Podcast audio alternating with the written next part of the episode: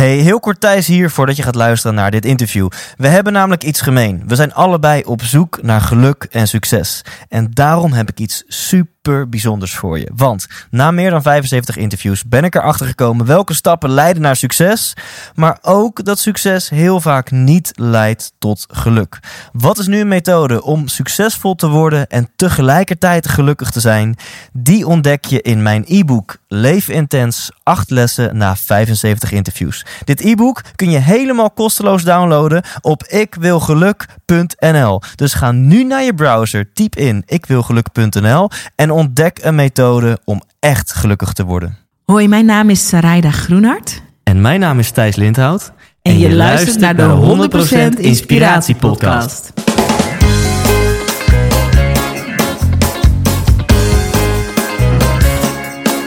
Hey, wat goed dat je luistert. Staat weer voor je klaar. Je wekelijkse dosis inspiratie is weer daar. De allerleukste gasten geven al hun kennis prijs. Met je veel te blije host, hij praat je bij. Zijn naam is. Thijs, Thijs,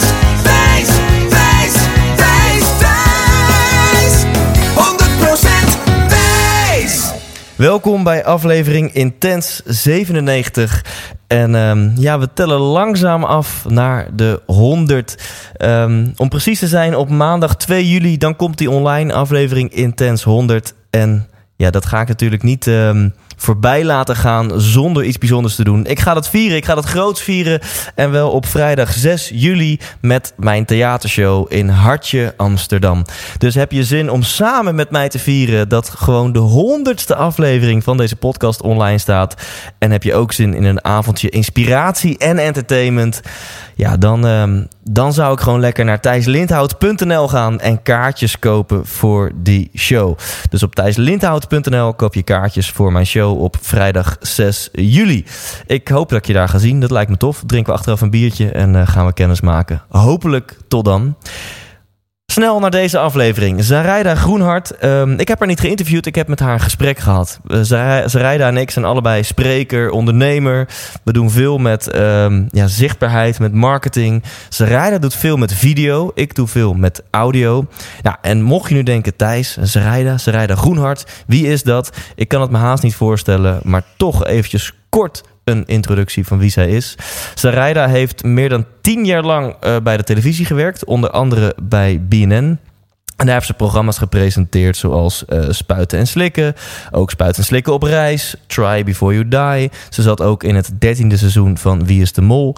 Maar zij is gestopt in 2013 met haar tv-carrière. En toen dacht ze, ik vind het veel leuker om online ondernemers, om ondernemers te, te coachen, te helpen, onder andere bij het gebruiken van video. Om zo meer zichtbaarheid te hebben en om wellicht wel de BN'er in hun branche te gaan worden.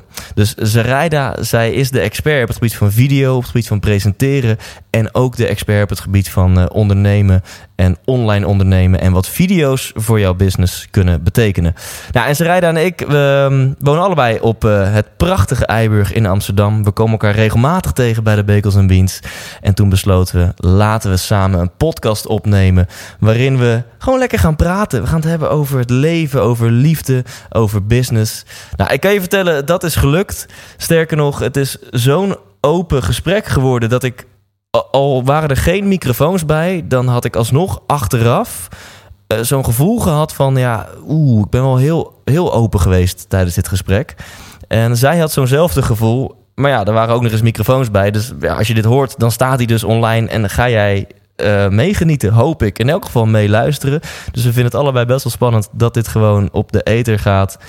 Um, maar ja, fuck it. De, dat doen we dus gewoon. Vinden we tof. Dus je gaat luisteren naar een gesprek tussen twee uh, ondernemers, mensen met passie voor het leven. En we beantwoorden ook wat vragen die via Instagram zijn ingestuurd. Tot slot, uh, geeft helemaal gratis weg aan jou een videotraining. Uh, in die training leer je hoe je zelf zonder budget en zonder, zonder technische achtergrond um, hele vette video's kan maken. En je leert acht stappen hoe je video's professioneel en boeiend maakt, zodat je nieuwe klanten gaat aantrekken. En die gratis videotraining, die vind je gewoon op thijslindhout.nl slash. En Zarayda schrijf je Z-A-R-A-Y-D-A.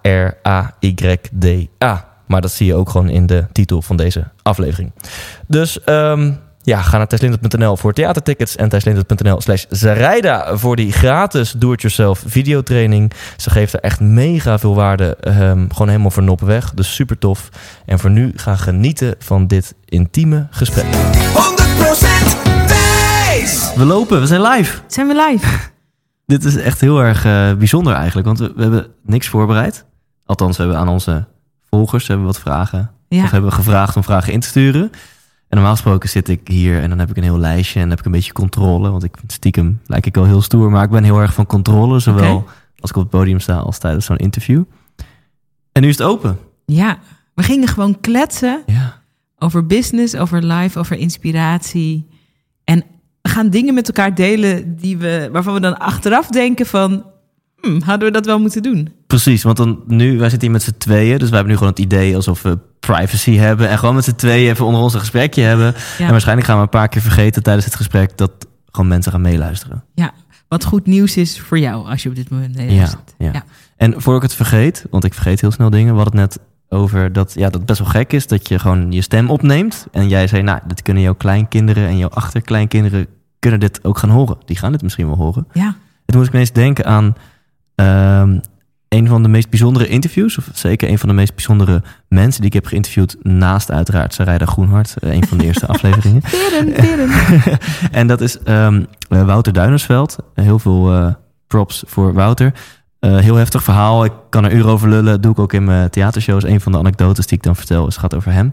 Lang verhaal kort. Hij heeft een donorhart. Goed en slecht nieuws. Het goede nieuws is, je hebt een tweede kans op leven gekregen. Je hebt gewoon letterlijk gewoon, oh, weet je wel, echt geluk. Mhm, mhm. dat je, je bent dat, gered. ja, dat je zo'n hart, dat je bovenaan de lijst bent gekomen. Dat je het levend hebt gehaald bovenaan de lijst. En dat de operatie goed is gegaan. En dat je gewoon zonder complicaties uit die operatie bent gekomen. Het slechte nieuws is, je levensverwachting is maximaal 15 jaar. Mhm. En ik interviewde hem terwijl zijn donorhart er al 10 jaar in zat. Dus hij had nog maar drie tot vijf jaar te gaan. En hij had wel afgelopen 10 jaar twee kindjes op de aarde gezet samen met zijn vrouw. Mhm. Gewoon heel heftig. Die kan hij maximaal 10 jaar oud zien worden. Mhm. Dus hij wilde het ook eigenlijk niet, ondanks dat hij heel graag kinderen wilde. Want hij dacht, ja, kan ik mijn kinderen en mijn vrouw niet aandoen. Maar zij had gezegd, weet je, lieve Wouter, ik hou van jou. Ik hou zielsveel van jou. En ik heb maar één wens en dat is dat ik me met jou mag voortplanten. Ja, ja, ja, ik snap dat als vrouw wel hoor. Ja, en ja, ik krijg gewoon bijna natte oogjes als ik je vertel. Ik het zo'n mooi verhaal. En toen, ja, dus het was ze ge- gegund, want het is ze gelukt. Twee mooie Mhm. kinderen op aarde gezet. Maar waarom kom ik hier nou op? Ehm, eh, ik vond het sowieso al bijzonder dat hij twee uur van zijn kostbare tijd... want ja, je tijd is nog kostbaarder als dat einde, zeg maar, tastbaarder is of zo. Ja. Dat hij twee uur van zijn tijd wilde besteden om met mij zo'n interview te hebben. En toen was het interview online en toen appte hij mij dat hij heel blij en trots was. En toen zei hij van, ik vind het zo mooi dat ooit mijn kinderen dit gaan horen... en dat ze dan mijn verhaal te horen krijgen. Ja. En toen dacht ik, wauw, want hij communiceert nu natuurlijk helemaal niet naar zijn kids... dat papa een levensverwachting heeft. Want dat is gewoon... Nee, daar zijn je kinderen ook te klein voor. En dat hij dan zei van, ja, dit, dat interview vond hij, was hij zelf zo trots op... dat hij dat echt, ja, Ja. wilde bewaren voor als zijn kinderen wat ouder zijn... dat ze dat dan, en als hij er niet meer is. En ik, wow, ik vond het zo bijzonder en heftig om te horen. En tegelijkertijd is het iedereen's realiteit ook. Hè? Kijk, bij hem is het heel tastbaar, want er is heel duidelijk eh, een, eh, een soort expire date op geplaatst door doktoren. Maar eigenlijk geldt het natuurlijk voor ons net zo goed. Maar jij bent 30, ik ben 35. Het is heel makkelijk, ik, betrap mezelf er ook vaak op, om constant te vergeten dat het leven eindig is. En een van de dingen die ik dus super tof vind aan eh, het zelf maken van media. We maken nu een podcast. Dat komt omdat jij op een dag besloten hebt. Ik ga met mensen praten en ik ga dat opnemen. Als jij dat niet bedacht had, dan zaten we hier nu niet. Ehm, iedereen mag zo'n soort keuze maken. Je kan je telefoon pakken, een camera kopen, een microfoon kopen en gewoon bepalen dat je dingen gaat vastleggen. En net als wat vroeger alleen kon als je een boek schreef, hè, een boek kan ook de tand destijds doorstaan. Eh, media die je creëert, blijft gewoon bestaan. Ik denk nu, ik ben bijvoorbeeld, ik vlog. Eh, ik vlog eh, over mijn business, maar ook over mijn leven. Mijn dochter, die acht maanden is, eh, zit in mijn vlogs. Die kan gewoon als ze straks 16 is, terugkijken hoe we dat deden. Hoe ze overal mee naartoe ging. Hoe ik met haar uit eten ga. Hoe ze bij business meetings zit, omdat ik niet altijd een oppas heb. En dat is zo cool. Ik wou dat ik terug kon kijken hoe mijn moeder dat toen Ja. deed, toen ik acht maanden was. Het is echt een hele unieke kans hoor, als je het zo gaat bekijken. Als je nu tegen mij zou zeggen van... hé, hey, ik heb hier een, eh, een videoband of een, eh, een, SD-kaart... en daarop staan allemaal video's van jouw eerste tien levensjaren... of al is het mijn eerste jaar, dat zou ik fucking epic vinden om dat te zien. Ja. toch? En wat ik het mooiste vind aan... ehm, want er zijn mensen die van die fanatieke eh, ouders hadden... die dan op verjaardagsfeestjes wel video's maakten. Of, Mhm. En we hebben allemaal foto's, als het goed is, als je geluk hebt. Maar dat gaat dan heel erg over belangrijke momenten. Ja, je verjaardag. Toen opa jarig was. Toen- Maar het is juist leuk om Ja. te zien hoe die niet, zogenaamd niet belangrijke momenten, die alledaagse momenten eruit zagen. En dat is ook de power die we hebben als creatieve ondernemers, als makers, om gewoon dat te creëren. Dat vind ik super. Ja, dan duiken we er nu meteen. Dat Ja. vind ik zoiets enorms. Ik merk als ondernemers naar mij toe komen met heel veel belemmeringen die ze hebben om zichtbaarder te worden, dat ik dat wel snap, maar, maar een heel klein beetje.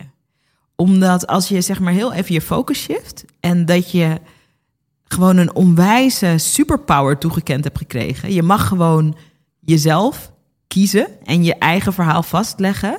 Daar in, in alle andere geschiedenistijden, daar droomden mensen van. En wij hebben dat gewoon. En het is in veel gevallen nog gratis ook. ja. Dat is gekhuis Bizar, hè? hoor. Dat blijft niet Ja. zo voor iedereen die luistert. Wat, wat- voor een mooi huwelijk hebben wij eigenlijk. Want jij bent de video queen. En in allemaal bescheidenheid, ik ben de podcast king. Dus de audio king, weet je wel. I love it. Hier zit gewoon eh, de best of audio en video eh, in één ruimte. Wat mooi. En ehm, ja, volgens mij gaan we het ook veel hebben over ondernemen. Ja, Dit uurtje. Ja. Maar ik denk ook gewoon over, over liefde, over het leven. Oh, en, en wat je net zei, om maar even een luchtig onderwerp aan te snijden. Wat je eigenlijk zei is, iedereen is terminaal. ja joh. En dat is best... best ehm, sommige mensen hebben dat dus echt nodig. ehm, in een midlife crisis. Of in de Mhm. vorm van een hele erge ziekte. Of misschien in de vorm van een andere ernstige gebeurtenis. Dat ze ineens denken, waar de fuck ben ik mee bezig? Ja. Waarom volg ik mijn hart niet? Mhm.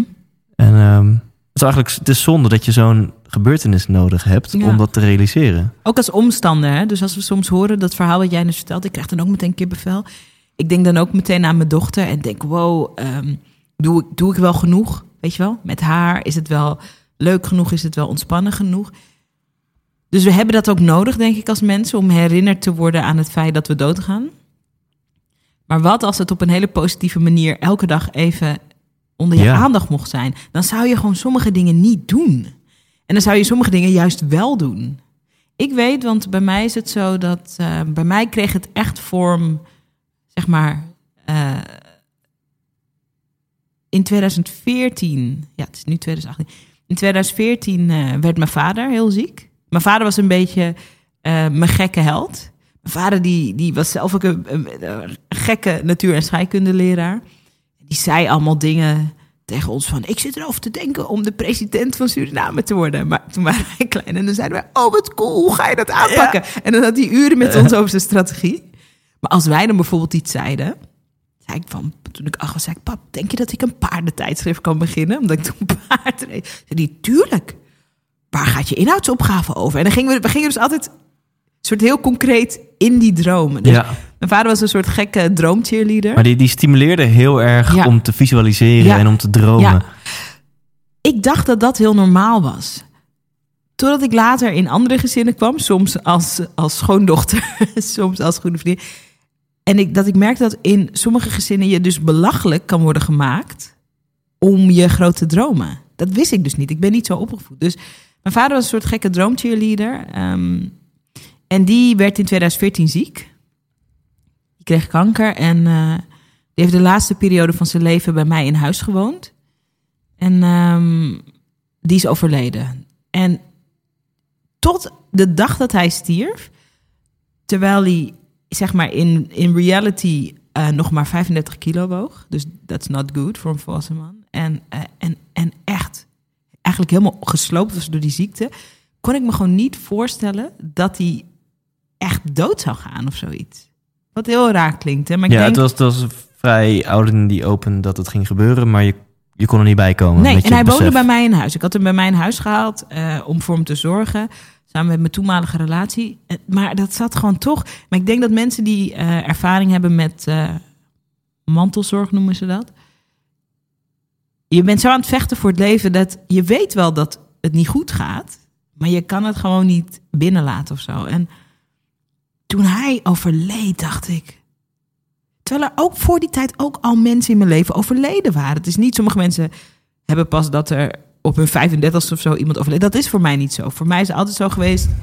Opa's en oma's en, en ook, nou ja. Maar dat is zo iemand zo dichtbij dat ik dacht, het leven is echt kort. Vader is 63 geworden. En dat inzicht heeft heel veel dingen geshift. Heel veel dingen. En ben jij bang voor de dood? Ehm, nee. Ehm, ik vind wel, want ik heb nu een kind gekregen. En ik hoop wel dat we nog lang samen kunnen zijn. Als ik daaraan denk, dat, dat daar kan ik wel paniekerig over Ja. zijn. Dat ik denk van, tjee, ik heb nog zoveel te geven aan haar en zij ook aan mij. Ik hoop dat ik wel oud mag worden. Ja. Maar voor het gegeven dood, gek genoeg, ehm, doordat ik, heb- ik was erbij toen mijn vader overleed. En ik zag hoe dat eruit zag. En ik zag zijn gezicht nadat hij overleden was. Ik zag die totale ontspanning op zijn gezicht. Wauw. En toen pas zag ik ook hoe die eigenlijk geleden had daarvoor. Dat je zo, zo, dat je pas toen het gezicht zich weer ontspande, dacht ik, oh, je hebt het echt zwaar gehad. En dat wist ik natuurlijk wel. Dus dat heeft me minder bang gemaakt voor de dood. Omdat hij een leidingsweg heeft gehad naar Ja, de dood toe. Ja, Ja. hij was heel ziek en Ja. Dat was altijd een heel trotse man, een hele gezellige man. En heel veel van wat hem hem maakte viel echt weg. En dat is niet tof om mee te maken. Nee. En, en je, je, je zei net dat misschien kwam ik echt midden in je verhaal, gewoon haalde ik je eruit. Want ik vroeg ineens, ben je bang voor de dood? Maar je, daarvoor zei je, eh, dat heeft veel veranderd, het overlijden Ja. van mijn papa. Ja. Eh, wat heeft Ja. dat precies veranderd bij jou? Ehm, om te beginnen ging daarna meteen mijn relatie uit. Nou, niet meteen, daar is er nog een paar maanden overheen gegaan. En dat had echt te maken met, wij zijn nog steeds eh, heel eh, oké met elkaar. Ehm, dat kwam gewoon omdat we erachter kwamen, we pasten eigenlijk niet zo goed voor elkaar. We hadden heel goed voor mijn vader gezorgd samen. Maar als je ziet dat het leven eindigd is en we wilden andere dingen in het leven, waar je normaal zeg maar maar water bij de wijn blijft doen, want je houdt van elkaar, ehm, was het denk ik voor ons een wake-up call. En die wake-up call kwam in eerste instantie, was niet geïnitieerd door mij, maar dat je, dat je, je, je wil niet maar half leven. Je wil niet dat het leven een zes is. Zelfs al is goed uit te leggen waarom iets een zes is. Ja. Snap je? En, ehm, eh, dus, en dat is eigenlijk het begin geweest van eh, veel scherpere keuzes. Een goede vriendin van mij, Nicole, die heeft ook haar beide ouders verloren. Eh, ik niet, ik alleen mijn vader. Maar die zegt, in rouw zit ook een bepaalde soort levenslust. Als je tot het gaatje bent gegaan, dan wil je dat het leven leven is. Ja. En daar horen gewoon stevige keuzes bij, vind Ja. ik. Dus ik ben anders gaan kiezen voor dingen. Dat hoor je ook wel eens bij mensen op een sterftebed, dat ze dat echt als boodschap door willen geven. Van alsjeblieft, weet je gebruik mijn dood als, als reden om nog meer te leven. Ja, leef. Ja. Holy fuck, leef man. Ja. Het is een heel bekend verhaal van David en Arjan van eh 365 Succesvol over Ja. Jip. Misschien je dat ja vertellen. hij is eigenlijk de initiator van hun succesvolle bedrijf. Doordat hij doodging. En dan even heel kort. Nou, Jip is een jongen en die kreeg volgens mij op, op een hele jonge leeftijd, volgens mij als twintiger, kreeg hij kanker. Mhm, Ehm, en is hij, eh, nou, hij was dus terminaal en hij is doodgegaan. mhm. En toen ehm, vertelde ik, heb eh, David heb ik geïnterviewd. Die vertelde dat toen op, op zijn begrafenis dat, dat de vader van Jip was aan het dansen. En toen Mm. had hij ook zoiets van, wauw, dan, ja, dan heeft Mm. Jip echt die boodschap. En die, dat was ook Jips grootste wens, hè, vier het leven op mijn Mhm. begrafenis. Nou, dat, Mm, mooi. het is als dan je, ja, als, dan je is gelukt dat jouw vader dan staat te dansen op jouw begrafenis. Ja. Dan heb je het heb je, doorgegeven. heb je het goed doorgegeven, ja. Ja.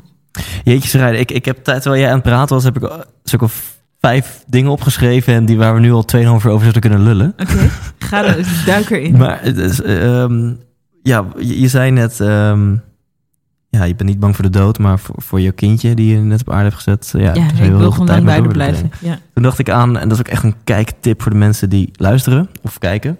Eh zo weer zes jaar oud, maar keek de 24 uur met Jochem Meijer. Oh, weet niet of je die hebt gezien.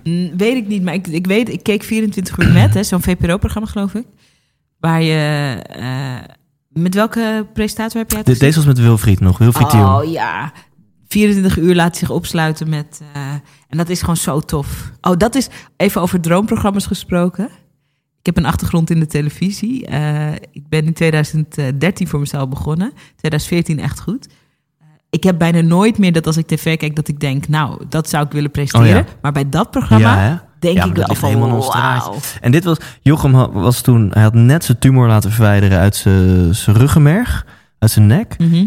En ehm, die, eh, eh, eh, dus als de artsen en fysiotherapeuten hadden gezegd, die 24 uur met moet je niet doen. Je moet Mhm. revalideren. Over negen maanden wilde hij weer zijn theaterprogramma gaan doen. Dus iedereen zei tegen hem, dit moet je niet doen. Maar hij vond het gewoon te leuk. Hij heeft het wel gedaan. Ja, ja, ja.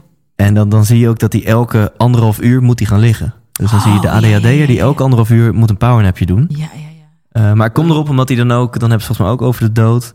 En dan, dan zegt hij ook echt van ja, maar ja, bij wijze van spreken, het interesseert mij niet, maar ik heb twee kindjes. Weet je, Mhm. kan gewoon niet, voor die twee kindjes kan, kan gewoon niet dat er een einde aankomt. En het- Nog niet. Nee, nog niet. Nee. Ja. Maar het is sowieso heel, heel mooi, Wil jij echt een kinderen? mooie aflevering. Ja, ik zou wel kindjes willen. Ja? Ja. Ja. Wanneer voelde je dat voor het eerst? Vraag me altijd af hoe dat bij mannen zit. Ik ben nu 30 Mhm. en het, is ook nog wel meer dat mijn hoofd het wil dan dat mijn hart het wil. Snap je wat ik bedoel? Dus dat, Oké, want wat zegt je hoofd er dan over? Mijn hoofd zegt dat. Het is, het is eigenlijk veel, veel te cognitief. Want het is niet zo dat ik heel graag. Als ik aan, aan kinderen krijgen denk, dan denk ik niet, oeh, dat lijkt me heel tof. Mhm. Maar ik wil ze niet niet. Hè? Dus als ik inbeeld dat ik kids heb, zie ik vooral heel veel gedoe voor me. En ik krijg het ook bevestigd van mijn omgeving. Van, sommigen hebben er één, nou, zoals jij. En Ja. sommigen hebben er twee die zeggen, nou Thijs, twee is echt de hel op aarde.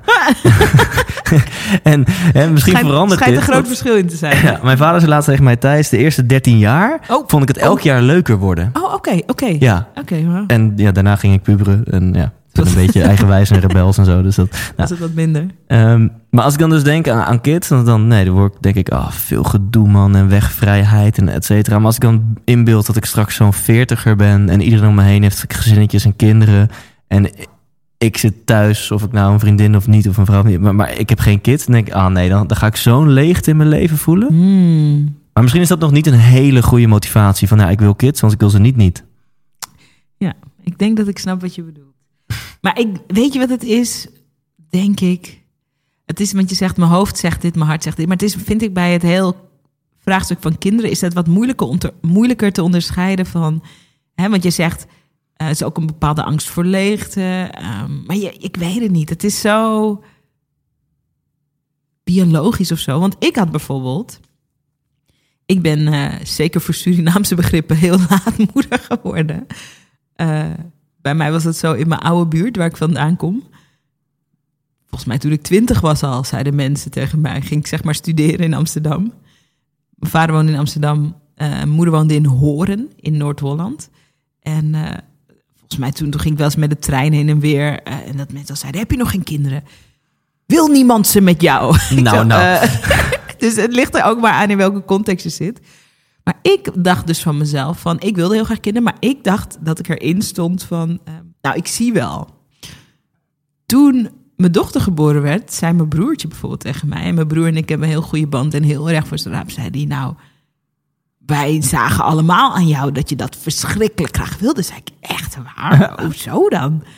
Volgens mij was ik er gewoon heel senang mee dat, nou, ik hoop dat het komt voor mij. En eh, ehm, als het niet zo moet zijn, vind ik het jammer, maar. En mijn broer zei zo, nee man, zo stond je er totaal niet in. Dus kreeg, ja. ik weet het niet. Het is denk ik ook wel... Het is moeilijk om van jezelf in te schatten Ja. waar het nou precies zit. of Nou, en wat ook wel zo is, ik had altijd ehm, een bepaalde stifler in mij. Ik Als je American Pie kent, hè, de Ja. stifmeister. En ehm, ik, ik, ik had altijd bij mijn, bij mijn, mijn vorige exen, zeg maar, eh, dat ik samenwonen, dat, dat vond, leek mij de hel op aarde. Vond ik super eng. Dus het was Samenwonen? ook, ja, samenwonen. Dus de, de ex voor mijn ex, zeg maar, met haar had ik verkering van mijn, wat is het, van mijn 24 tot mijn 26 of zo. Mhm. Ja, het, zij heeft twee jaar lang geprobeerd om te gaan samenwonen, maar dat vond ik gewoon te eng. Heb je twee jaar lang geblokt? ja, en toen ontmoette ik, wat nu inmiddels helaas wel weer een ex is, maar de, eh, eh, Nadia. En die ontmoette ik vier jaar geleden. En ik, ik kende er net twee maanden. We kregen verkering. En het interesseerde me geen reet meer, die stifler uithangen. Ik had zoiets van, Ik ben ik wil gewoon voor de rest van mijn leven, weet je wel, eh, bij jou zijn. Eh, eh, Laten we samenwonen. En we gingen na drie maanden verkering gingen we samenwonen. Dus dat was ook zo'n ja. dingetje van, was altijd een mega grote angst. Mhm. En, en ineens voelde het gewoon goed. En kon ik ook die keuze zonder enige twijfel maken. Mhm. En ik denk en hoop dat dat met kids ook zo gaat zijn. Dat ik Ja. gewoon, hè, dat ik nu denk, oeh, eh, weinig slaap en gedoe en luiers en wegvrijheid. En dat er een moment komt dat ik de juiste vrouw ontmoet. En dat ik ineens denk, ja, maar ik wil super graag met jou een kindje. Ja, ja, ja. En ik vind het, maar ik weet niet of je daarover wil kletsen, maar ehm, ik denk dat het misschien altijd een combi is van een levensfase en, en, en de juiste persoon. Maar als je dit dan zo zegt, hoe kijk je dan terug? Want je zegt het is helaas een ex. Ja, Hoe, hoe, hoe verhoudt zich dat dan tot elkaar? Dat, dat het en iemand was waarbij de deur dus zo wagenwijd zo open knalde. Zo van, alles wat ik eerst niet durfde, durfde ik nu wel. En ehm, nou, het is helaas een ex als in dat het, het was gewoon mooi geweest als we de liefde die we hadden konden vasthouden. En het perspectief wat we leken te hebben als we dat hadden kon, kunnen vasthouden. ja, Maar dat was gewoon niet meer. Dus nee, het is fijn dat het uit is gegaan, want we zouden elkaar echt niet gelukkig gaan maken. nee, het komt wel een beetje uit je hoofd, dit antwoord. Maar ik snap Ja. je wel, ik snap je. Ik zit in dezelfde soort Ja, situatie. true, maar het is, eh, ja, Snap je? ja, goede, goede eerlijke feedback, absoluut. Ik vind het ook altijd ehm, super eh, bijzonder hoe, hoe je lichaam dan nog een proces door heeft te maken. Want het is nu tien maanden uit. Mhm. We hebben drieënhalf jaar samen gewoond. En dan denkt je hoofd inderdaad, nou, ja, Ik ben er ik overheen. ben helemaal, helemaal verder. Maar ja, het is gewoon niet zo. In je lichaam, je hele systeem zit nog zo hard die herinnering. Ja, Toevallig hè? hadden we vorige week zo'n beetje voor de tweede keer pas sinds het uit is, gingen we even een, een theetje doen. Hm. Eh, dus dat is best bizar. Drieënhalf jaar leef je op elkaars lip. Ja, Pas, ja. het is uit. ja. En je Dat, ziet elkaar niet meer. dat is ook bizar is dat, ja, hè? weird. Ja, Ja, en, en toen...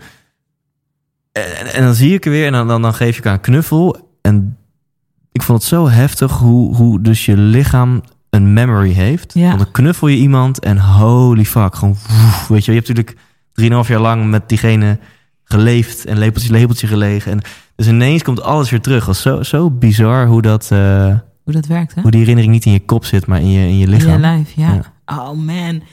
Ik herken ook wel een beetje wat jij zegt in een hele andere omstandigheid. Ja? Ehm, want ik ben dus sinds kort alleenstaande moeder. En eh, dat is totaal niet hoe ik het dacht dat het zou gaan. Totaal niet. En eh, ik moet zeggen dat ik vind dat we het heel goed doen op het co-parent stuk. Zo goed als, nou ja, ik heb geen vergelijksmateriaal, maar ehm, en ik merk dat mensen om mij heen, wij gingen vorige week een kopje koffie drinken, gingen ook over van alles kletsen. En jij zei tegen mij, wat, vind dat je hartstikke sterk bent. En, en ik voel me ook sterk, omdat ik mezelf goed ken. Maar ik voel me ook op een bepaald vlak totaal ontredderd. en dat kan dus blijkbaar naast elkaar bestaan. En ehm, dat is gewoon ook, dat is ook dus in hetzelfde kader van gek ding. Het is gewoon ook heel gek. Ja. Het is gewoon heel gek. Een van de redenen dat ik eh, zo laat pas het avontuur aandurfde om met iemand een kind te krijgen, was omdat ik het zo, zeg maar, niet in deze positie zou willen zijn als alleenstaande moeder. Terwijl ik ben in deze positie en eigenlijk gaat het ook heel goed. Ook omdat ik heel veel hulp vraag, ook aan de vader van mijn dochter, eh, maar ook aan, eh, aan mijn omgeving. Maar het is zo, eh, het leven is zeer onvoorspelbaar, hè? Ja. Echt, hè? Ik vind het zo, ja. Bijzonder dat we nu, eh, we dachten we gaan vette ondernemers Ja, erin rammen. Omzet! Impact! Een kwartier later tissues niet aan te slepen hier in deze ruimte. Janken! Janken! Dr. Phil meets ja, Oprah precies. janken. Toch die, die, die Oprah, eh, Oh ja, het talent, het Oprah-talent wat in jou zit. Ja, ja, Wat gewoon betekent huilen op camera. Ja. Basically. Ja. Nee, ja, ik vind, weet je wat ik wel belangrijk vind? Een van de vragen, ik had op Instagram gegooid, eh, waar willen jullie dat we het over gaan hebben? Ja, eh Thijs en zijn rijden, waar moeten wij het over hebben? En een van de vragen die binnenkwam, of een van de opmerkingen was: hoe hou je het authentiek als vlogger? Ehm, mensen komen natuurlijk bij mij om te leren, ondernemers, over zichtbaarheid, over Ja. video. Nou, vlog is daar ook een onderdeel van. En het was zo mooi, want ehm, een van de motto's van eh, mijn ondernemerschap is bloedeerlijkheid. En eh, dat zeg ik tegen mijn Video Business Schoolers. Hè. Video Business School is mijn online videoacademie voor ondernemers. En ik hamer altijd op eerlijkheid, omdat het de enige manier is om duurzaam zichtbaar te zijn. Ja. En toen mijn relatie uitging, dacht ik: oh my god.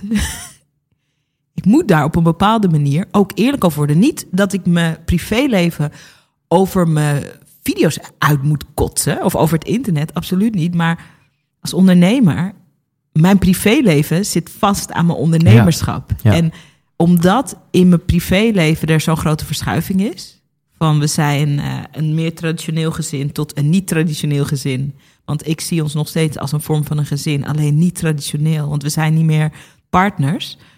Ehm, dat heeft heel veel impact ook op. Alles moet op een andere manier als een soort ballet in elkaar worden gezet. Ook mijn business. En ik vind het belangrijk om wel eerlijk te zijn. Dus niet de drama te delen of de. eh, maar gewoon hoe het zit. Dus Ja. ik dacht, oh my god. Ik moet straks uit de kast als alleenstaande Ja. moeder, dacht ik.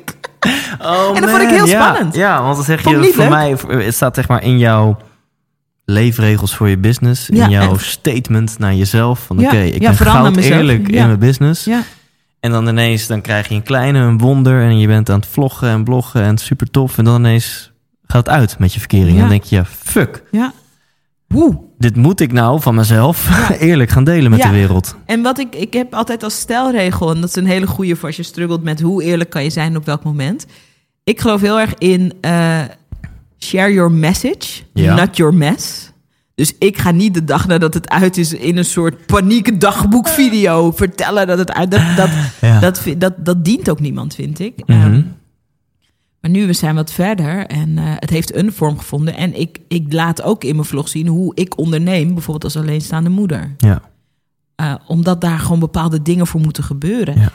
Ik, ik moet heel veel hulp vragen en ook ontvangen. Iets wat heel veel vrouwen heel moeilijk vinden. Ja. Ik kan echt niet op een soort rot zitten en zeggen: ik regel het Ja, allemaal ja, wel. precies. Zo werkt Ja. het niet hoor. Cool. Dus ja, die eerlijkheid heeft dat als functie. Dat ik gewoon laat zien hoe ik het doe in de hoop dat iemand anders daar ook iets mee kan. Hey, en, en voordat we nog meer gaan vertellen over hoe belangrijk video is en jezelf laten zien in Mhm. je business en authenticiteit, zijn natuurlijk, het is ook niet voor elke business per se noodzakelijk. Ehm, je moet, jij gaat me misschien ontkrachten, maar eh, je moet wel in een person-to-person business zitten. Of- Ja, ben ik, ik snap waar je, ben ik het niet mee eens, maar ik snap wel waarom je het zegt. Ja. Wat voor soort business, Thijs, waar, voor wat voor soort business ehm, vind jij het minder belangrijk? Nou, een vriend van mij, die eh, noemt zichzelf de online action. Heel uh, oneerbiedig gezegd. Ik kan ook al gewoon zeggen wie het is. Bas Eurlings, heb ik ook geïnterviewd. Oké, leuk. Ehm, en hij doet het goed. De- de- gewoon miljoenen, zeg maar. Gewoon een grote business. Mhm. Ja, en eh, cool, eh, hij heeft een team van, ik geloof, 10 à 20 mensen. En ze doen heel veel afzet via Groupon deals. Mhm. Heel veel afzet via Bol, via Amazon en een beetje via een eigen webshop. Oké. Volgens mij is het voor hem niet zo heel veel toegevoegde waarde om nou onwijs te gaan instastoryen en te gaan webcammen en zichzelf te laten zien. Want ja, hij, weet je wel, dit zijn zijn vier partners zakelijk gezien. En verder is zijn, zijn afzetmarkt, ja, zijn wekelijks duizenden mensen die via Mhm. een van de platformen een product kopen. Niet eens wetende dat het product, product bij Discounts International vandaan komt. Mhm, want dat is zijn bedrijf. Ja. Kijk, ik snap je. Als je het zeg maar zo bekijkt, hoeven we hem niet te leren kennen. Maar dit is de context. En dit, want ik kende Bas Eurlings niet. Wij hebben elkaar, wij kennen elkaar langer, jij Mhm. en ik. Maar wij kwamen elkaar een paar weken geleden tegen. Wij moesten allebei spreken op een event. Eh, nou ja, weer even geklikt. Hey, zullen we een kopje koffie drinken? En dat is ook de reden dat we hier bijvoorbeeld nu zitten. Maar Bas Eurlings was daar ook. Ik kende hem niet. Ik kwam wat later binnen, want ik moest 's ochtends iets anders doen. En ik hoor van jullie allemaal, jullie fluisteren, maar dat is Bas Eurlings. Een half god. Een half ondernemende god. En ik, die hem niet ken, zeg, oh, Ja, hoezo true. dan?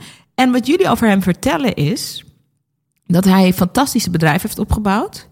Ehm, maar jullie vertellen over zijn leven. Hij, is, eh, hij heeft een vrouw, hij heeft twee kindjes, geloof ik, vertelden jullie.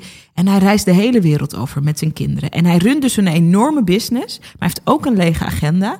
En hij reist de hele wereld over. En zijn kinderen zien alle hoeken van de aarde.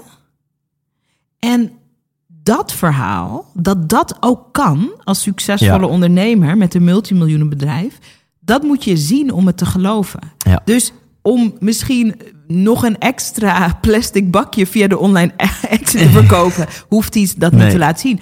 Maar hoeveel mensen hij zou kunnen inspireren met hoe hij leeft. Ik probeer nu bijvoorbeeld, even als ik het weer terughaal naar mezelf.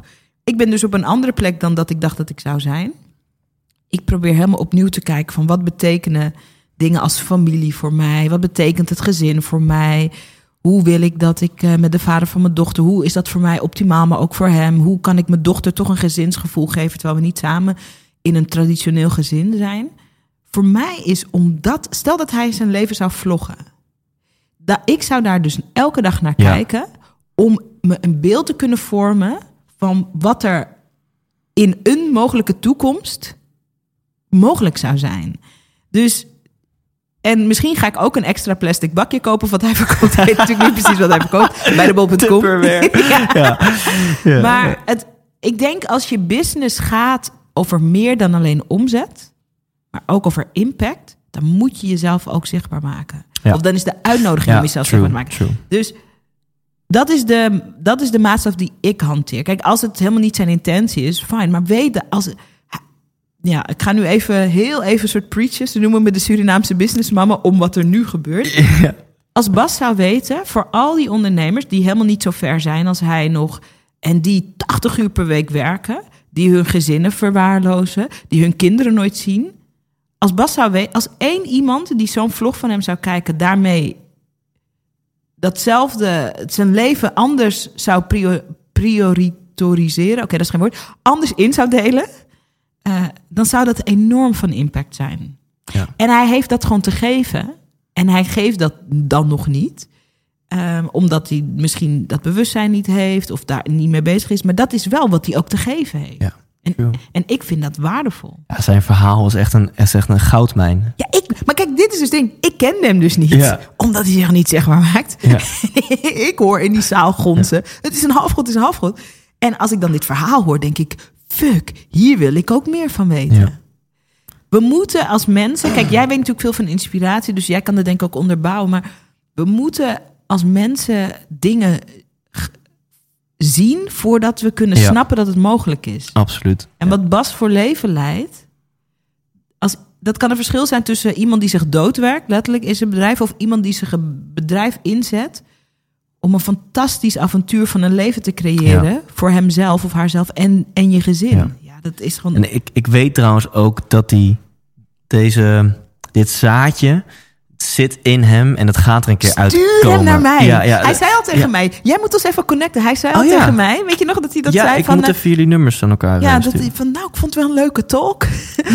Misschien moet ik ook iets doen met video. Ja. eh, ja. Hell yeah, ja. Ja, nee, hij, hij weet, er komt, deze bubbel gaat een keer bursten in positieve zin. En Ja. dan komt er ineens een boek. Oh en, dan, en dan gaat hij bij alle... Ik heb alle vertrouwen in dat hij meteen bij alle talkshows zit. Want hij Oh. is de... Hij preacht niet. Hij, nul, hij preacht nul. Hij maar hij leeft het. leeft het. Ja. En ik ken hem nu al bijna twee jaar. Hij leeft het echt. Het Ja. is ongekend. Hij zat drie maanden lang op Bali.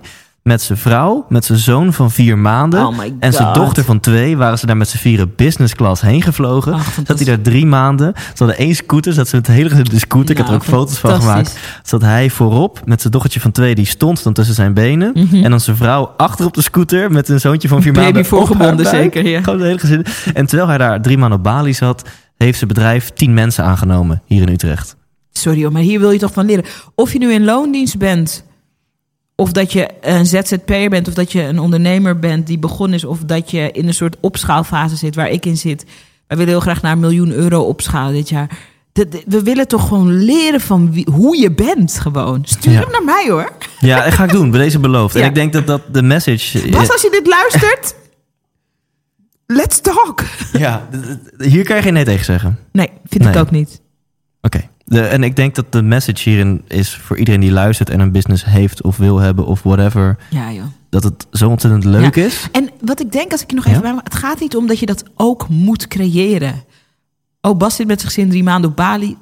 Daar gaat het niet om. Maar het gaat erom dat, dat weet je ook, hè, van heel veel ondernemers ehm, zitten vast in het idee dat om succesvol te zijn, dat je allerlei echt ook hele belangrijke dingen moet opofferen. Namelijk tijd met je vrouw, tijd met je gezin. tijd- En wat Bas kan bieden is een shift in die perspectief.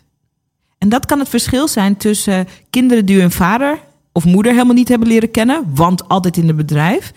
Of kinderen die de meest fantastische dingen met hun ouders hebben beleefd, terwijl hun leven ook gefaciliteerd werd door dat. Dat is zo, dat is echt enorm hoor. Ja. Ja. Bas, Cool. begin te komen praten. Ik weet toevallig, ik weet haar naam even niet, maar was een vrouw en ze had een, eh, ze is volgens mij een van de latverhogers van Ilko de Boer ook geweest.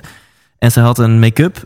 Je weet wie ik bedoel? Elma, Ja. Elma Maaskant, ja, is ook een Hè? video business schooler. Eh, Nou, Ja. dit is geen toeval, want haar omzet is exponentieel door het dak gegaan. En dat moet dan zijn geweest vanaf dat zij de eh, business school heeft afgenomen bij jou. Nou ja, ik denk Video dat Ilke de. Boer met zijn latverhogerstraject, fantastisch coach, dat ik daar ook iets mee te maken Want zij had eerst... Maar zij was ging ze- video's Ja, maken. ze was bang om zichzelf te laten zien. Ja, ze durfde niet eens een foto, een profielfoto te uploaden op Facebook. Ja, dus ze had een een of ander business corporate logo op Facebook gezet. Toen gingen we aan de slag en nu maakt ze elke dag live video's op Ja, en Facebook. verkoopt ze toch duizenden make-up potjes Ja, per week. ja, Dat is echt niet normaal. Ja, honderdduizend mensen die er volgen op haar bedrijfspagina op Facebook. En elke keer als ze een video maakt, gaat de omzet door het dak. Het is toch Niet- super? niet- in wat voor tijd leven we? Dat je dus een Bizar. business kan bouwen, wat, wat na een tijdje gewoon geautomatiseerd is. Of het nou met producten is of met online producten. En dat je dan gewoon weet, als ik nu met mijn 100.000 volgers op Facebook, nu op, op ga live klik. En ik ga mezelf een beetje make-up of whatever. En ik ga het hebben over mijn passie. Dan refresh ik me, me, me, me op, op mijn internetbankieren, mijn app. En ik zie gewoon de euro's binnenrollen. Ja. Die zijn gewoon niet meer Ja. tegen te houden. Ja, en het mooie vind ik is dat, zeker in het geval van Elma, maar eigenlijk voor iedereen die video op een interessante, leuke manier inzet. Zij zit niet video's te maken waarin ze zegt: koop dit, koop dit, koop dit. Dat is ze dus. Het is niet van. Nee. Het is geen platte verkoopvideo's, maar ze vertelt gewoon Ja. over als ze een nieuwe make-up lijn heeft. Of ze, is ook, eh, ze heeft ook een achtergrond als visagist. Hè? Ehm, ehm, hoe je die make-up aanbrengt, maar ook wat haar eigen journey is geweest. Want ik weet niet of jij dat weet, maar waarom Elma's verhaal bijvoorbeeld zo interessant is. En dat is waar we met in Video Business School mee bezig zijn gegaan. Is zij heeft een hele slechte huid. Ze heeft een huidaandoening en ze kan geen normale make-up dragen. Ah. En ze was visagist en ze vroeg zich af waarom is er nou geen make-up die niet. Eigenlijk is alle make-up die je koopt, is, heeft, is een bepaalde mate van giftig. En ze zei: waarom is er nou niet een 100% organic make-up die je ook kan dragen als je eh, het wat minder getroffen hebt met je huid? En dat is ze dus zelf gaan ontwikkelen. Super cool. Met de laboratorium. Echt fantastische make-up. Ik gebruik hem nu ook. Ehm, en ze is gewoon haar verhaal gaan vertellen. Dus waarom ze die make-up lijn is begonnen. Als er een nieuwe kleur is gemaakt. Hoe ze het maakt. Hoe je een 100% organic lijn maakt. En mensen zijn gewoon aangehaakt op dat. Ik ook. Je kan overal make-up kopen. Maar het is en fantastische kwalitatieve make-up. En er zit zo'n passie en zo'n vuur. Dat is wat je uiteindelijk ook koopt. Niet alleen het product. Dus Ja. Ehm, voor iedereen die luistert en denkt van ja, maar ik heb een product of dat staat los van mij. Of mensen willen ook een stukje van je, je liefde en je energie inkopen. En als je dat niet een podium geeft, hoe kunnen mensen daar dan voor kiezen? Weet je Ja. wel? Ja, cool. Ik zeg altijd ook mensen houden van mensen. Dat klinkt natuurlijk niet Totally. en dat is een hele simpele wijsheid, maar ik zie het zo vaak als mensen voor zichzelf beginnen dat ze dan oh, dan moet ik een pak en dan moet een serieus business logo en Ja, ja. dat even bij wijze van spreken, maar Ja, iedereen die voor zichzelf begint herkent dit wel een beetje. Nu is het ineens corporate of zo. De Zuidas-mythe. Dat, dat dat de ondernemer is. Ja, exactly. En terwijl Ja, had ik ook hoor. ik ben begonnen zes jaar geleden met een CO2-reductie consultancy bureau. Weet je wel? Mondvol. ja, andere bedrijven, wel echt gewoon corporates, gaan helpen met het reduceren van hun CO2-uitstoot. En ja, ik ben blijkbaar geboren met zo'n chip dat ik vrij rebels ben en, en van nature blijkbaar heel erg thijs ben en daar ja, dat gewoon durf ook of zo, een stukje lef. Dus vanaf de start van mijn bedrijf vond ik het heel normaal om gewoon thijs te zijn en te tutoyeren in offertes en in telefoongesprekken. Mhm. En, en als het zomer was met kort broekje naar eh, een salesgesprek en whatever. Vinden mensen eh, ook mooi hè? En dat zorgt gewoon voor een hele natuurlijke selectie ook. Dat de serieuze corporates, Tuurlijk. die, die voelen eh, zich, eh, die kunnen zich niet identificeren met mij en, en mijn aura en whatever. Die, en die wil ik ook niet als klant. Hey. En de bedrijven die dat tof vinden, die worden wel klant bij mij. Ja. Nou, en daar werk je ook prettig mee samen Ja. dan. Ja, Want je hoeft je niet anders voor te doen dan dat je bent. Ja, mooi. Dat is, ja, het is gewoon een hele dikke win-win. Maar ik denk wat ik tof eraan vind en wat ik ook wel herken, maar wat jij heel scherp hebt, is je durfde ook mensen tussen haakjes af te stoten Ja. op wie je echt bent. En dat, daar, dat heeft gewoon te maken met zelfvertrouwen. Dat je er genoeg in vertrouwt dat, er, dat, de, dat je niet jezelf anders voor hoeft te doen, of beter of zakelijk of bla bla bla. om gewoon te kunnen zijn en je business gewoon te kunnen runnen. En ehm, dat heeft ook niet iedereen. En als je vanuit de schaarste komt van ik moet alles aannemen, want anders red ik het niet, dan creëer je een business voor jezelf waar je uiteindelijk totaal in vast komt te zitten. Ja. Het is heerlijk als mensen zeggen: nee, we, we moeten niks met jou. Want dat betekent dat er aan de andere kant equally iemand zegt die zegt: nou, we moeten Thijs moeten we hebben. Of nou, Ja. ze rijden, daar moeten we het leren. En Maar dan moet je wel durven om, dat onder, Ja. om, om, om, die, om die kleur te bekennen. absoluut. En na mijn bescheiden onderzoekje van de afgelopen acht jaar naar het leven, naar geluk en succes voor anderen, voor mezelf, is dit een van mijn hoofdconclusies. Want dat als iets energie lekt, als iets energie kost in je leven, Mhm. dan is het wel als je afgaat van het pad waarbij je trouw bent aan jezelf. Dus Ja. als je niet trouw leeft aan jezelf, dat kost zoveel energie. En dat zorgt voor een burn-out en overspannenheid en geen succes in de liefde, en geen succes in gelukkig worden. Ja, maar het is wel? ook het moeilijkste wat er is, toch Thijs? Omdat dat trouw blijven aan jezelf is... Kijk, als theorie is het zo van... Ik blijf trouw aan mezelf, maar je verandert ook als mens. Soms moet je uit je comfortzone, voelt ook ongemakkelijk. Is dat dan de, het ongemak van groeien? Of is het ongemak dat je het verkeerde pad is? Ik vind het wel ook, het is een constante koorddans ook. Hè? Ja, Ik heb nu bijvoorbeeld, wij zijn onwijs aan het groeien met het bedrijf. Eh, ik heb een soort geweldige change agent binnengehaald aan het begin van het jaar. Ik zei, ik wil echt gaan knallen. Ik heb een heel grote missie. Ik wil heel veel ondernemers helpen ja. met hun zichtbaarheid, omdat ik daar gewoon zo gepassioneerd over ben. Ik heb daar ook veel in te geven, dus ik wil een grote groeisprong maken. Vervolgens, en daar zit ik dus nu middenin, eh allemaal nieuwe mensen aangenomen, de, nieuw plan. Nieuw, en ik vind het gewoon hartstikke eng en spannend. En ik had het vandaag er nog over met iemand uit mijn team van, ik, ik toevallig vandaag, hè, morgen voel ik me weer anders, maar ben ik, ben ik gewoon in wat ik noem een weeënstorm. Een weeënstorm is, ik heb het niet gehad, maar een weeënstorm is als je een kind krijgt, eh, vlak voordat het kind komt, gaan je weeën tien keer zo hard. Niet iedereen maakt het mee, hè? En dan denk je dus dat je doodgaat, maar wat er eigenlijk gebeurt is dat het grote cadeau komt er bijna aan. ja, de het gaat baby. niet dood, maar er komt nieuw leven. Ja. Dus zit ik nou in een weeënstorm? Of gaan we te snel? Of, weet je, doe ik het? Dus het is ook soms moeilijk om te onderscheiden van... Ja. is dit nou een soort groeipijn of, of heb je een verkeerde afslag genomen? En ik weet bijvoorbeeld van een bedrijf... ik weet dat het een groeipijn is... maar ik denk ook van... shit, wow, Ja. wat veel, Ja. weet je wel? Ja, dus trouw leven aan jezelf, het, het is zo makkelijk gezegd. Kan Mhm. ik heel stoer zeggen als inspirator van dames en heren. Leef trouw aan jezelf. Ja, Mijn naam de is Thijs Ja. Maar het is, het is, het is echt als- Thijs. ja, precies. Thijs. Maar ik kan wel tien voorbeelden noemen. Laat ik er een paar noemen waarin het fucking moeilijk is. En wat jij zegt ligt daarmee in lijn. Ik bedoel, trouw leven aan jezelf kan ook betekenen dat je de weg van de minste weerstand kiest. Maar dat is dan weer niet de bedoeling, weet je wel. Ja, ik ja, heb, als ik echt intune op mijn gevoel, heb ik meer zin in een zak chips dan in de sportschool. Als ik intune in mijn gevoel, heb ik meer zin in een film dan mijn e-mail marketing opzetten. Ja, ja. Eh, Ja, ja. Dus Ja. ja. dan kan je ook zeggen, ja, ik ben heel trouw aan mezelf. Maar ja, Ik doe gewoon altijd waar ik zin in Ja, heb. precies. Dat is weer iets heel anders. Ja, ja. En ik heb Ja. zelf ook, ja, je zei het net al, hè, ik had natuurlijk even een, een, een minder jaar vorig jaar. Het ging uit met mijn verkering onder andere. Dat, uiteindelijk kwam ik er ook achter van holy fuck.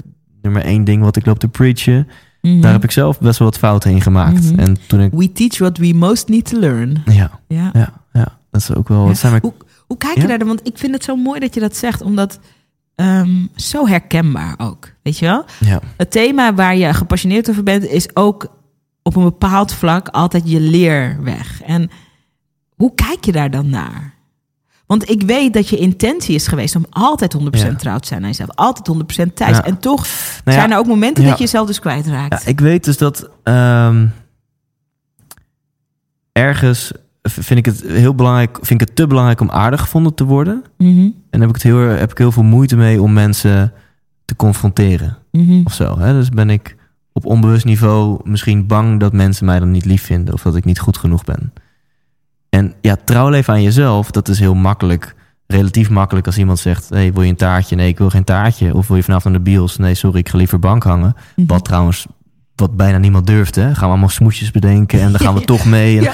Holy fuck, zeg gewoon: hey, superleuk. Ik heb inderdaad de hele avond vrij. Maar eh, sorry, ik heb meer zin om even thuis op de bank te hangen. Ja, om, mezelf, om alleen te zijn. Ja. Ja. ehm, maar ja, na een tijdje, eh, eh, vroeg of laat, merk je dat trouwens in jezelf ook inhoudt dat je een confrontatie aan moet gaan met andere Mhm, mensen. mhm, En mhm. ik heb met heel veel coachings, en met, met eh, Albert Zonneveld, echt een, een, een held in mijn leven. En die heeft me echt gered zo'n beetje vorig jaar. Want Is dat een kon- coach? Ja, Albert Zonneveld is een coach. En in mijn ogen de, de beste die we hier in Nederland hebben. Oké. Eh, en ehm, ja, toen merkte ik van fuck, ik, ik durf ze gewoon. eh, eh, Ik heb gewoon heel veel moeite om confrontatie aan te gaan met andere mensen. Want dan denk ik dat. Ik weet niet waar ik dan bang voor ben of zo. Mm. Eh, en twee dingen die vorig jaar instortten in mijn leven waren mijn relatie en mijn business. Oké, En mijn business stortte grote in. elementen. Ja, mijn business stortte in omdat het met mijn compagnon gewoon helemaal niet goed ging. En daar had ik al veel eerder mijn bek over moeten opentrekken. Ja, ja. En eh, mijn relatie eh, heb ik ook dingen te veel nog de tapijt geschoven. Mm. Ja. Mm. Ehm, dus hoe denk je daar? Ja, ik vind en dan uiteindelijk natuurlijk was het gewoon shit. Ik kan heel lang lullen over.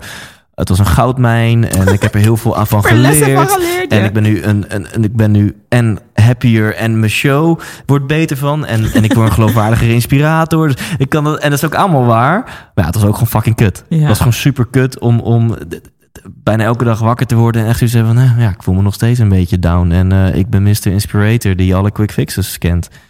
En nu Ehm, werkt het niet. maar ik ben wel zo verliefd op groei en, en het leven. Dan het ook weer machtig interessant vind om meer te leren over mezelf. En om juist zo diep te gaan en daar, daar die connectie met jezelf te vinden. En daar zoveel van te leren. En dan vervolgens ja, gewoon een nieuw chapter in je leven. En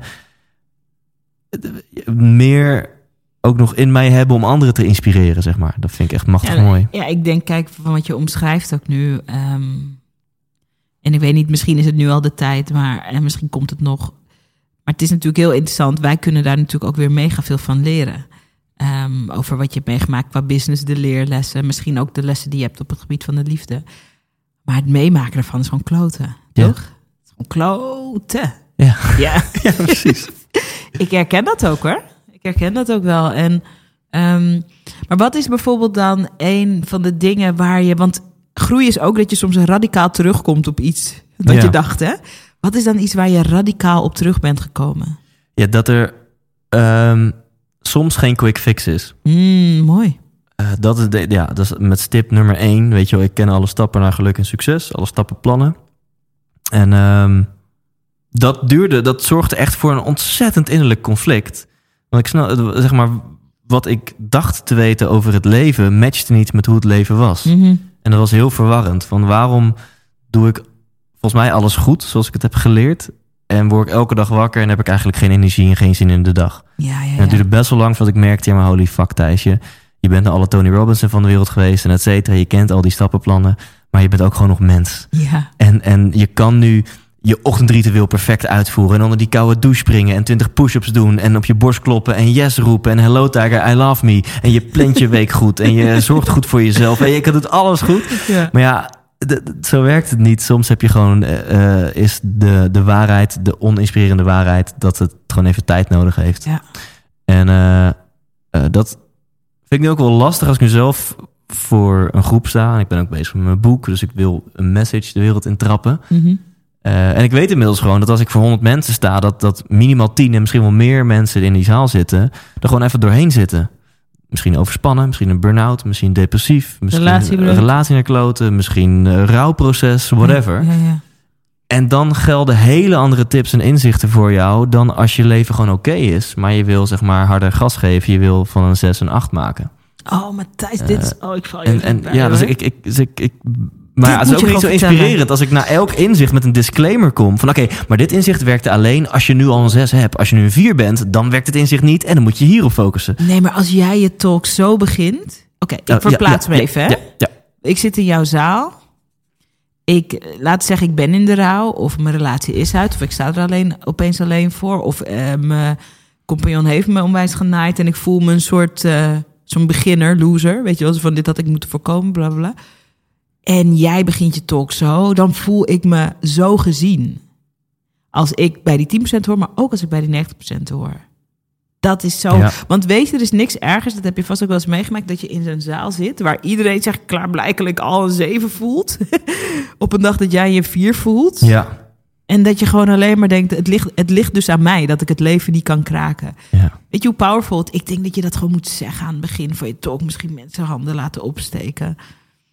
Dat is zo... Kijk, het gaat er gewoon alleen maar om dat mensen zich gezien en gehoord voelen. En het is zo... Ja. En dan kan je alsnog al je tips. Omdat als iemand zich maar even gezien heeft... of gehoord heeft, Ja. gevoeld... dan kan hij alweer in een andere versnelling gaan. Ja, Weet je wel? Oh nee man, juist powerful. Bam. Ik heb helemaal zin in je boek nu. Ja.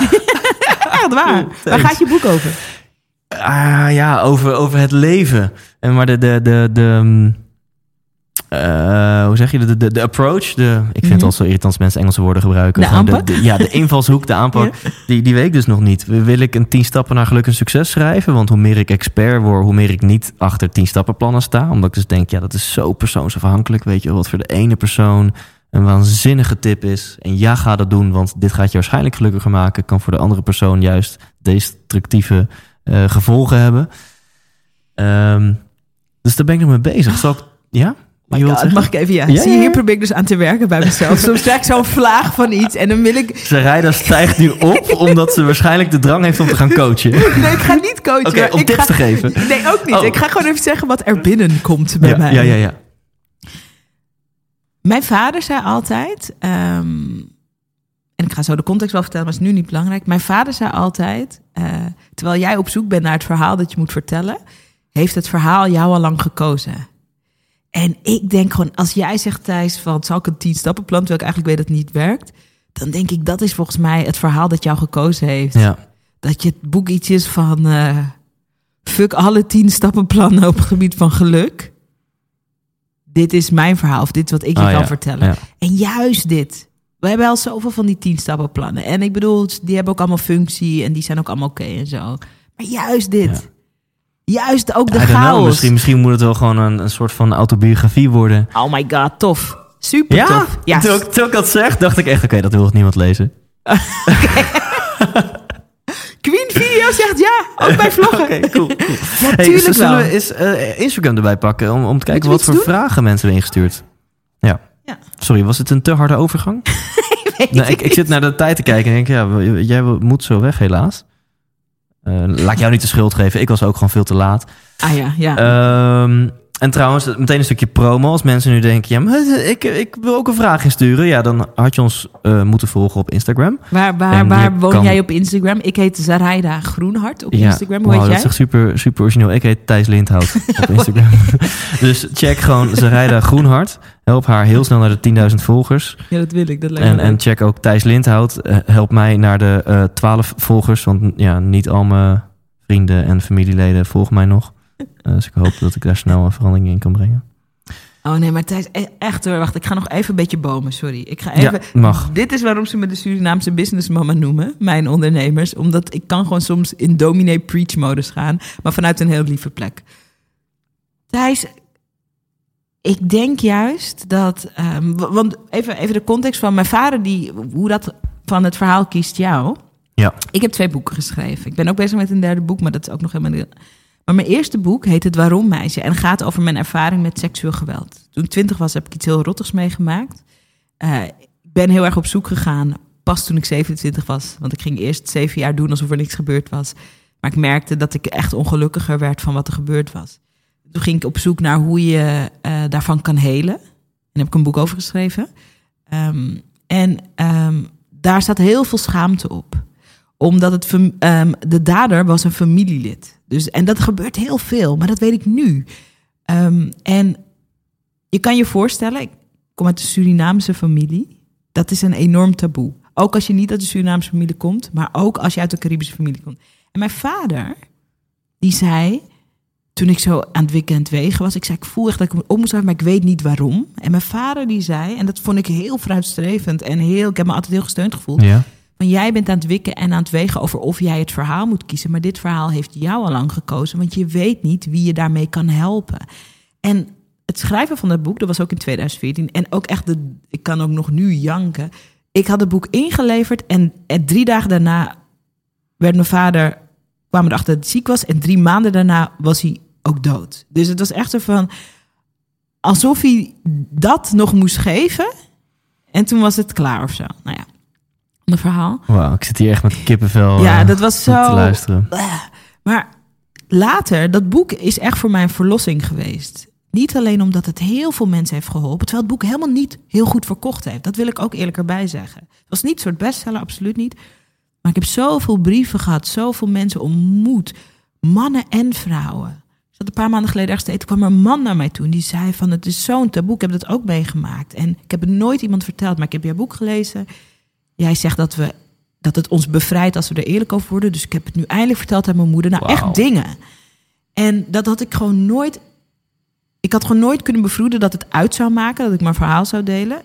En ik had ook nooit kunnen bevroeden hoe vrij ik me daarna zou voelen. Omdat ik had mijn ergste schaamtegeheim.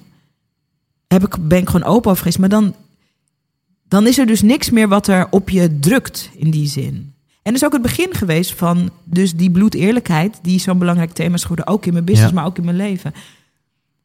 Dat verhaal, precies wat je meemaakt. Als mijn vader hier aan tafel zou zitten, zou hij zeggen... Thijs, jij zit wel te wikken en te wegen over of mensen dat willen lezen...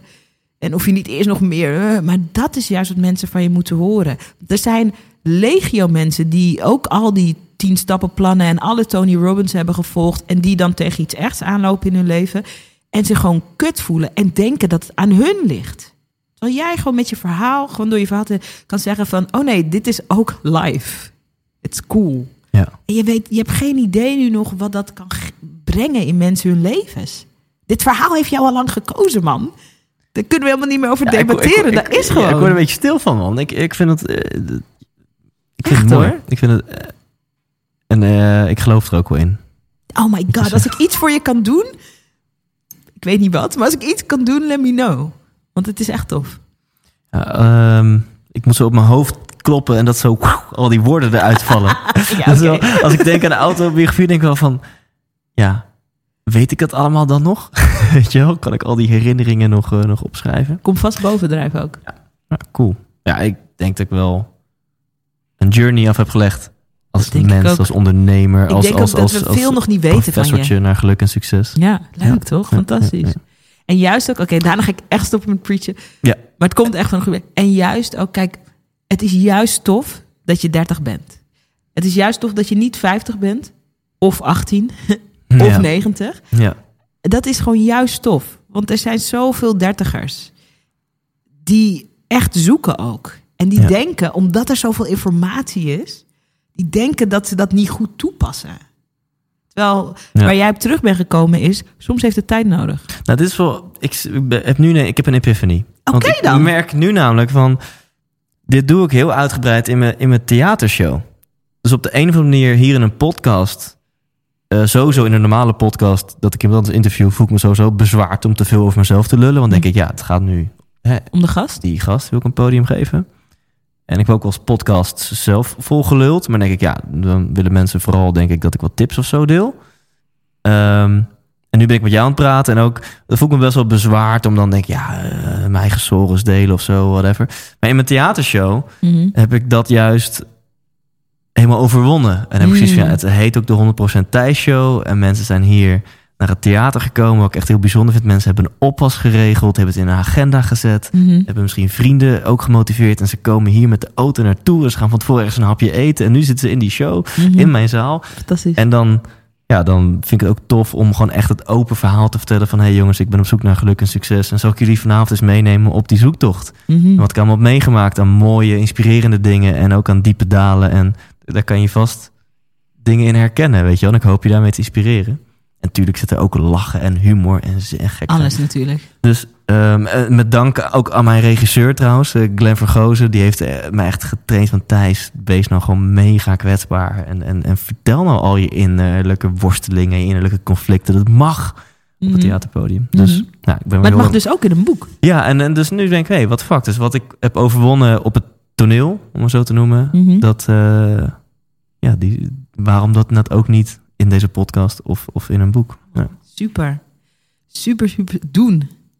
Kijk, zo waardevol is het dus om, om te hangen met, met, met inspirerende mensen. En gewoon Ja. een beetje te kletsen over... Ja. Maar gewoon echt kletsen. In plaats van dat we allebei ons Facebook-masker van... oh, met ons gaat het heel lekker. Ja, Als je die ophoudt, kan je elkaar natuurlijk ook niet ontmoeten. Ja. Gewoon lekker kletsen. absoluut. Wat heb je, hè? We gaan iets doen, hè? Ja, we gaan, ik pak even een vraag erbij. Dus nogmaals, Thijs Lindhout op eh, Instagram en ook Sarayda Groenart op Instagram. Wij zijn echt van Mag ik- alle mensen op Instagram een van de leukste. Zijn wij dat? Ja. Oké, oké, top. Ja. Oké. Oké, ja, dat is ook zo. Thijs, na al die onzekerheid ineens dat narcisme is een beetje een gekke overgang. ik dacht, nou ja, ja, ja. Ja, maar wat is, je- is ook wel je zo. wou het zeggen. Ja. Ik wilde enthousiast gaan vertellen over dat ik een dagelijkse live show heb op Instagram. Maar ik durf niet meer zo goed. Nu jij hebt gezegd dat we de allerleukste zijn. denk ik, oh, Ja, dat is dan een beetje... Nee, dat, dat ben je. Zijn we. Oké. Dus che- check de dagelijkse live show. Yes, op Instagram live. Ja, echt heel oké. leuk. Sarayda Zichtbaarheidsshow. Elke dag een tip. Jeetje, ik heb, ik heb allemaal, allemaal vragen over, over eh, moederschap, ongesteldheid. Oh. eh, Echt? het stroomt ineens binnen. Nou, er is een vraag van eh M- M- Miren.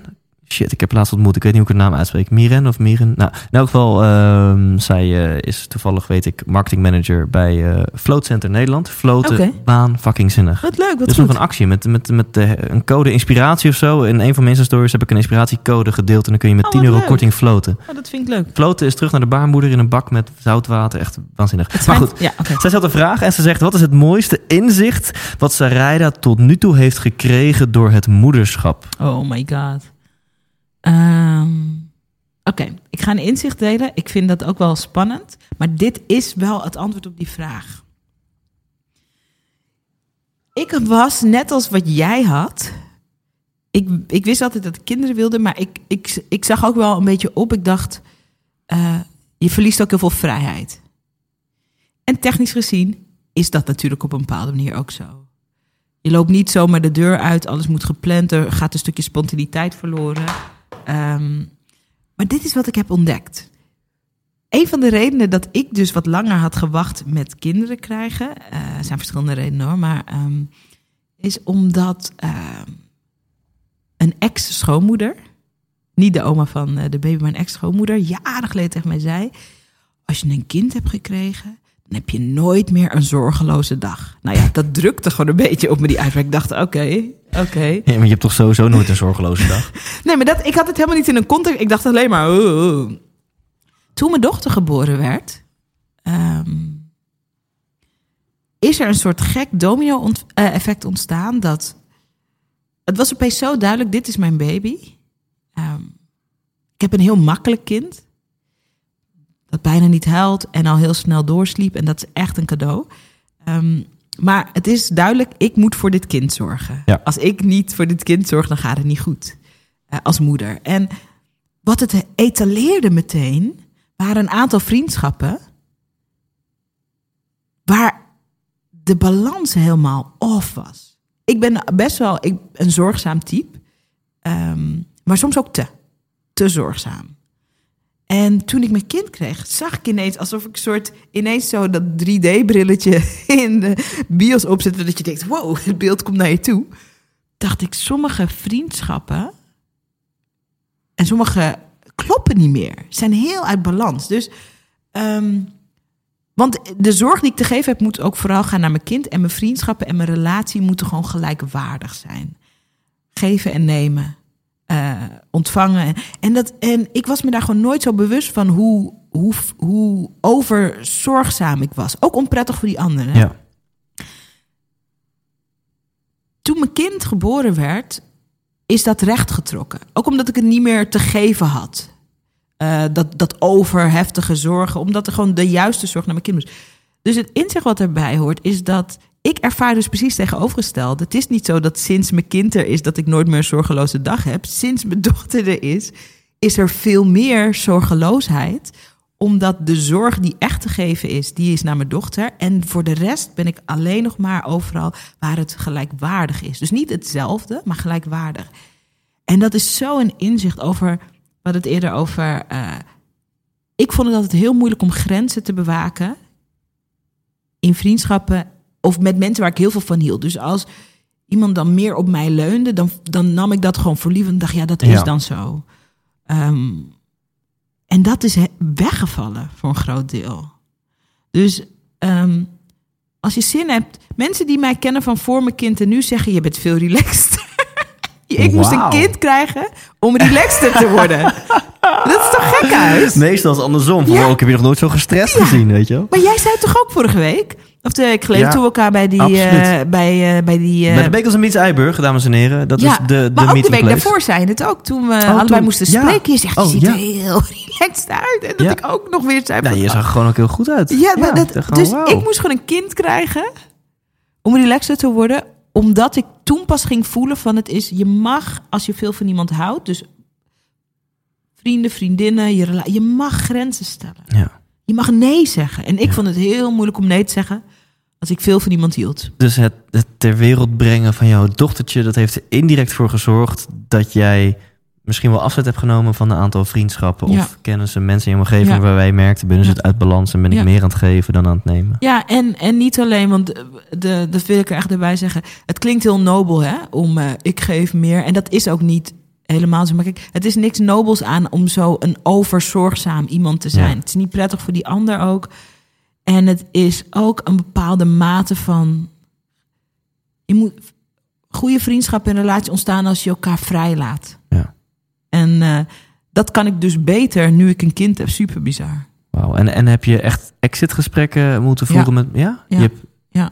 Wauw. Ja, in die zin is het echt een tijd van eh, en rouw en levenslust. Is dat, misschien is hier geen concrete tip voor te geven. En we hadden ook van tevoren gezegd, we gaan geen concrete tips geven. Maar nu ben ik al aan deze zin begonnen. Dus Ja, dus je moet er iets mee. ik kan Ja. niet meer terug.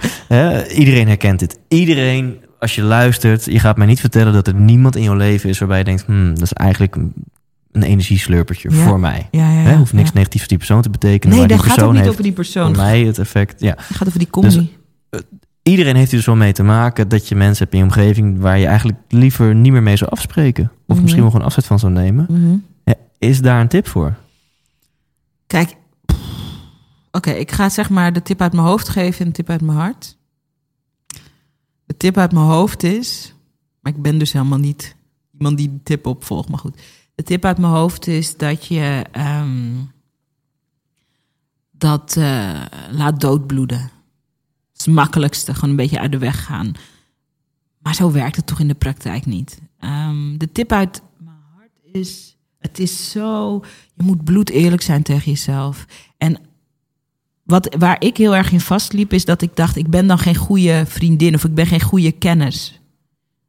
En daar moet je gewoon doorheen. Ja. Je moet je beeld van jezelf durven bijstellen. Kijk, wat jij eerder zei, hè, dat je eh, Aardig gevonden aardig willen vond. worden? Ja, dat is dus wat gaat sneuvelen. Ja. Want de ander gaat heus niet zeggen van... hé, hey, wat goed dat jij op je grenzen staat. Ik weet op de lange termijn dat omdat jij mij nu vrijlaat... dat ik zelf ook... vrij- Zo gaat het niet. Goede feedback. Ja, goede feedback, hier kun je iets mee. Wat diegene van jou vindt, diegene vindt jou een, een kutwijf... of Ja. een klootzak of een egoïstische trut. Of, dat is wat er is. En daar moet je gewoon... ja. Dat is, daar kan je niet omheen. Daar moet je gewoon Ja. mee zijn. En om dan trouwens nu een link te leggen naar business, dat heb ik dus ook op de harde manier geleerd. Je kunt de regels die gelden binnen, binnen vriendschappen of binnen je privéleven, eh, die gelden niet binnen business. Of misschien eh, de regel die ik nu wil gaan noemen, geldt misschien ook wel niet in je pri- privéleven. Dat is namelijk de regel van aardig gevonden willen worden. Mm. Hè? Geval. Hartstikke dure strategie, hè? Ja, dus, dus terwijl ik dit zeg, denk ik, nou, dat is überhaupt in het leven gewoon geen goede regel. Maar Nee, in- het is zo herkenbaar. Kijk, ja, ook even met mildheid, weet je. Het is... Want het heeft, daar hadden wij ook een mooi gesprek over gehad. Kijk, voor mij is dat ook heel lang heel belangrijk geweest. Ehm, want je bent ook aardig. Thijs, ik kijk even naar je, maar kijk, je bent ook een aardig iemand. En je wil dat mensen dat zien. Eh, je bent ook iemand die ermee bezig is of iedereen zich goed voelt in de ruimte. Dat maakt je bijvoorbeeld ook een goede leider ja. eh, in je bedrijf. Daarom werken mensen graag voor je. Ehm, maar als je inderdaad, en dat herken ik zo, als je nu bepaalde dingen niet gaat benoemen, omdat je die sfeer niet wil aantasten of dat soort dingen. Als er een soort corruptie insluipt, en dat zullen mensen ook herkennen, dan ga je daar toch de prijs voor betalen. Ja. Maar het is ook, en het heeft ook veel te maken met hoe je jezelf nog kent als kind. Ik was bijvoorbeeld, mijn ouders zijn gescheiden ook. En ehm, mijn, eh, wij hadden het heel pittig na de scheiding. Ik heb met beide ouders altijd een goede band gehad. Maar we hadden het heel pittig. En ik was de oudste dochter. Ik was het oploskind. ik deed alles om mijn moeder gelukkig te maken. Dus eh, wat je, bijvoorbeeld mijn broertje had een periode dat hij als baby was een beetje nukkig, want verandering, hè, en dan had hij niet zo goed en dan ging ik allemaal spelletjes bedenken. En, eh, en dan was het labeltje met het eten was een vliegtuig. En, en het lukte ook altijd. En dan zei mijn moeder, oh, dankjewel. Wat fijn dat je mama helpt. En mijn broertje was blij. Dus je kan ook helemaal vastgroeien in die rol van Ja. andere mensen gelukkig Ja. maken. Ja. En als kind werkt dat supergoed. Maar ineens, 30 jaar later in je business, is het fucking je Achilleshiel. Of in je relatie. Als ik kijk naar mijn relatie en ik zal nooit inhoudelijk, want ik heb heel veel respect voor de vader van mijn dochter en ik hou natuurlijk ook nog van hem. Ik hou van hem. Wat ik niet goed heb gedaan, en ik kan ook genoeg dingen zeggen die eh, ook. Ik, ik hield zoveel van hem dat ik gewoon veel te. Ik wilde gewoon alles. Ik wilde gewoon alles doen en oplossen. De hele tijd. Super verstikkend. Ja. Super verstikkend. Een mens wil gewoon zelf zijn eigen shit doen en fouten maken en struikelen. En ik dacht, ik ga gewoon alles oplossen, want ik hou van je. Is helemaal geen goed idee. Ja, dit, ik vind het zo interessant aan mens zijn en aan de psychologie. ehm, dat wat ooit effectieve overlevingsstrategieën waren. En je Mhm. bent niet achterlijk. Je hebt dit ooit aangeleerd. Of Mhm. het nou pleasen is of problemen oplossen. Of whatever. Mhm. Je hebt het ooit aangeleerd omdat het een super effectieve strategie was. En ergens is je brein gewoon fucking dom. En beklijft die strategie. en laat je die nooit meer los. Terwijl het leven constant zegt, eh Zrijda, Thijs, werkt niet meer. Dus er was een moment waarin het heel effectief was dat ik eh, altijd aardig gevonden werd of dat ik pleased of whatever. Maar ja, in je bedrijf, dat, dat klinkt een beetje gek dit, want het staat haaks op dat je wel de gunfactor moet hebben, want dat- Mhm. die moet je ook hebben. Mhm. Maar aardig gevonden willen worden, de boventoon laten voeren, Ja, maakt daar gaat een het om. hele slechte leider. Kun Ja. je nooit een knoop doorhakken. Nee, je moet afscheid gaan nemen Klopt, van leveranciers, van ZZP'ers, Ja. van medewerkers, van je moet knopen doorhakken die voor andere mensen niet zo leuk zijn. Maar als je dat niet doet, omdat je weet, ja, maar deze keuze of deze opmerking gaat bij die ander oud doen. Mhm. En dat heb ik echt te lang gedaan in mijn business. Mhm. Ja, dat maakt je zo'n slechte leider. En op long term Ja. is, zijn er ook helemaal geen winnaars. Nee, en het is echt die. Het is. Ze hebben in het, in het Engels hebben ze daar een uitspraak in. The road to hell is paved with good intentions. Het is, je denkt een goede intentie. En je bent gewoon shit aan het vernaaien. Ja. Ik merk de allereerste keer dat ik iemand moest ontslaan. Oh mijn god. Zweet in mijn handpalmen Ja. brok in mijn keel. Weet je wat ik merkte? Want inmiddels, um, het bedrijf groeit goed. Uh, groter team. Je moet soms voor verschillende fases van je ondernemerschap, daar hoort een vers horen verschillende samenstellingen van teams bij. En soms heb je gewoon een tijdje met iemand opgetrokken en dan werkt het niet meer. Ja. Dit is wat ik merkte. Van de meeste mensen van wie ik afscheid heb genomen, die zijn vrij recent daarna hartstikke goed in een andere positie op een andere plek, Ja. goed terechtkomen bij een ander bedrijf. Als je die mensen vast blijft houden, ontneem je ze ook die kans. Alleen je kan dat natuurlijk, Ja. voordat je die knoop doorhakt, die je kan dat niet zien. Maar het is gewoon, je houdt jezelf voor de gek. Als je weet van eigenlijk moet ik links en diegene rechts. En je wil het niet doen, maar het is zo herkenbaar. Absoluut. Ik ben ook zo blij. Ik vind dat heel weinig mannen praten hierover. En sowieso heel weinig mensen en ondernemers. Maar heel weinig mannen praten over wat jij omschrijft. En wat ik ook mega herken. Is soort die geheime agenda van toch aardig gevonden willen worden. Ja. Ik denk dat zoveel mensen dat hebben, zich daarin verslikken. Ja. En daar ja, een nieuwe visie over moeten creëren. En je voelt het meteen. Hè? Je voelt meteen dat, dat je in een gesprek of zo, dat, dat je weet van, "Oh, eigenlijk vind ik dit niet zo leuk Ja. van diegene. Eigenlijk Ja. wil ik nu zeggen, oh, maar ik had wel verwacht dat Je je... voelt het in je lijf, ja. En dan komt meteen, maar dat is voor die ander. Ja, diegene heeft niet zo'n goede week. En die gaat door een moeilijke tijd. En ja, ik heb dat misschien ook niet goed genoeg uitgelegd. Geen wonder dat het dan niet goed Ja. gaat. Je gaat Ja. heel snel die route op. Oh, En het is misschien ook allemaal wel waar. Maar het is niet wat de waarheid is op het moment. Ja. Moeilijk hoor. Jeetje. Maar wel goed om veel over te leren. Weet je, mag ik daar iets over zeggen? Ik vind het wel leuk.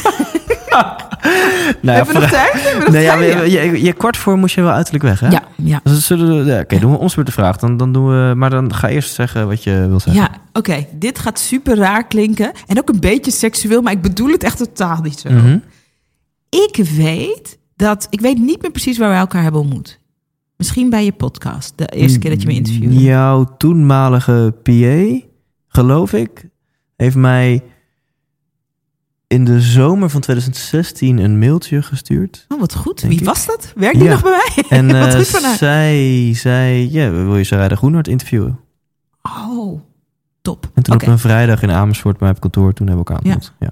Dit is wat toen wij elkaar voor het eerst ontmoetten. We zijn ook later toen nog. eh, jij met je vriendinnen. En ik weet niet, was ik nou ook met mijn, mijn partner toen of juist niet? Nee, jij had toen net een van de meest waanzinnige dates uit je leven gehad. Oh ja, ja. Oh ja. Een paar jaar later met kind. Ja, Ja, oké, ja. fijn. Ja. Ja. Ja. Ik weet nog dat ik jou ontmoette en dat ik je ook heel aardig vond. Ehm, maar dat ik ook voelde dat je, en dit klinkt dus, dit bedoel ik mega positief, want ik ervaar het Mhm, ook als positief, mhm. maar je hebt een soort de energie in je van een soort roofdier. En dat is goed. Klinkt niet. En ik weet dat ik nog dacht van, hè? Echt, je hebt echt een vurig karakter. Ik denk dat dat ook eh, ehm, aan de, ten grondslag ligt van heel veel van je business succes. Je bent echt niet bang. En ik weet nog dat toen we zaten, dat ik dacht, ik kan het niet zo goed je. En dat ik dacht, oké, het zou wel aan mij liggen, want ik bedoel, hoe, hoe cares? Maar dat ik... Ah, waarom vertel ik dit eigenlijk? Ehm, maar dat ik weet van, dat, dat, dat ik weet dat ik toen, en dat was heel klein, en ik durf dit soort dingen nooit hardop te zeggen. En also, hoe cares wat ik vind en voel, ook in die zin. Maar dat ik dacht van, eh, je bent al aardig. Je mag ook gewoon Mhm. roofdier zijn. Ja. Ja, de, roofdier klinkt een beetje negatief. Nee, ik, ik, ik weet Snap je wat ik bedoel? Ja, je, je, je voelde in mijn aura iets van een, een roofdier, een Vurige, predator. een soort mannenenergie. Ja, en, En, en je was zo, in mijn gedrag zag je heel veel zachtheid en dacht je, hé, hey, dit is een beetje af, dacht ik. ja. En ehm, ja, dus bijvoorbeeld, als we het, dit gaat echt richting zeer politiek incorrect, vergeef me, vergeef me. Maar bijvoorbeeld best wel vurige alfa-mannen-energie, maar een soort heel, eh, wat is de tegenhanger van een alfa-man? een beta-vrouw. nee, ja. eh, Nou ja, goed. Ik dacht eh, van, ik dacht, ik was nieuwsgierig naar wie is zeg maar eh, die power Thijs. Ik was daar meer nieuwsgieriger naar. En ik heb een gevoel dat ik die eigenlijk nu pas, dus een paar jaar Mhm. later, beter leer kennen. Snap je? ik snap het. Oké. Ja, ja. En ik vind ook wel tijd dat die Thijs er wat meer Ja man, zijn. vet tof man. Super inspirerend. Ja. Gewoon real, gewoon Absoluut. cool. En niet, en niet, want dat wil ik er ook bij zeggen, niet van. ehm, ik zou ook even een voorbeeld straks geven uit mijn eigen, want anders. Niet van dat je, je was helemaal niet. eh, eh, ehm, je, was, je was ook jezelf. We gingen lekker eten, het was super gezellig. Je was ook jezelf. ehm, maar het was gewoon niet. eh, je liet niet het achterste van je tong zien. En dat hoeft ook helemaal niet. Kijk, bijvoorbeeld omgekeerd. Even bij mezelf. Want iedereen heeft het dus. Ik ben heel zorgzaam. Ehm, maar ik weet dat er tal van mensen nu luisteren en denken: Sarayda, zorgzaam? Dus dit is de omgekeerde kant. Ja. Mijn zachte kant, mijn zorgzame kant, mijn vrouwelijke kant, die krijgt bijvoorbeeld ook niet altijd het podium. Omdat ik ook heel veel pit in me heb. Ja.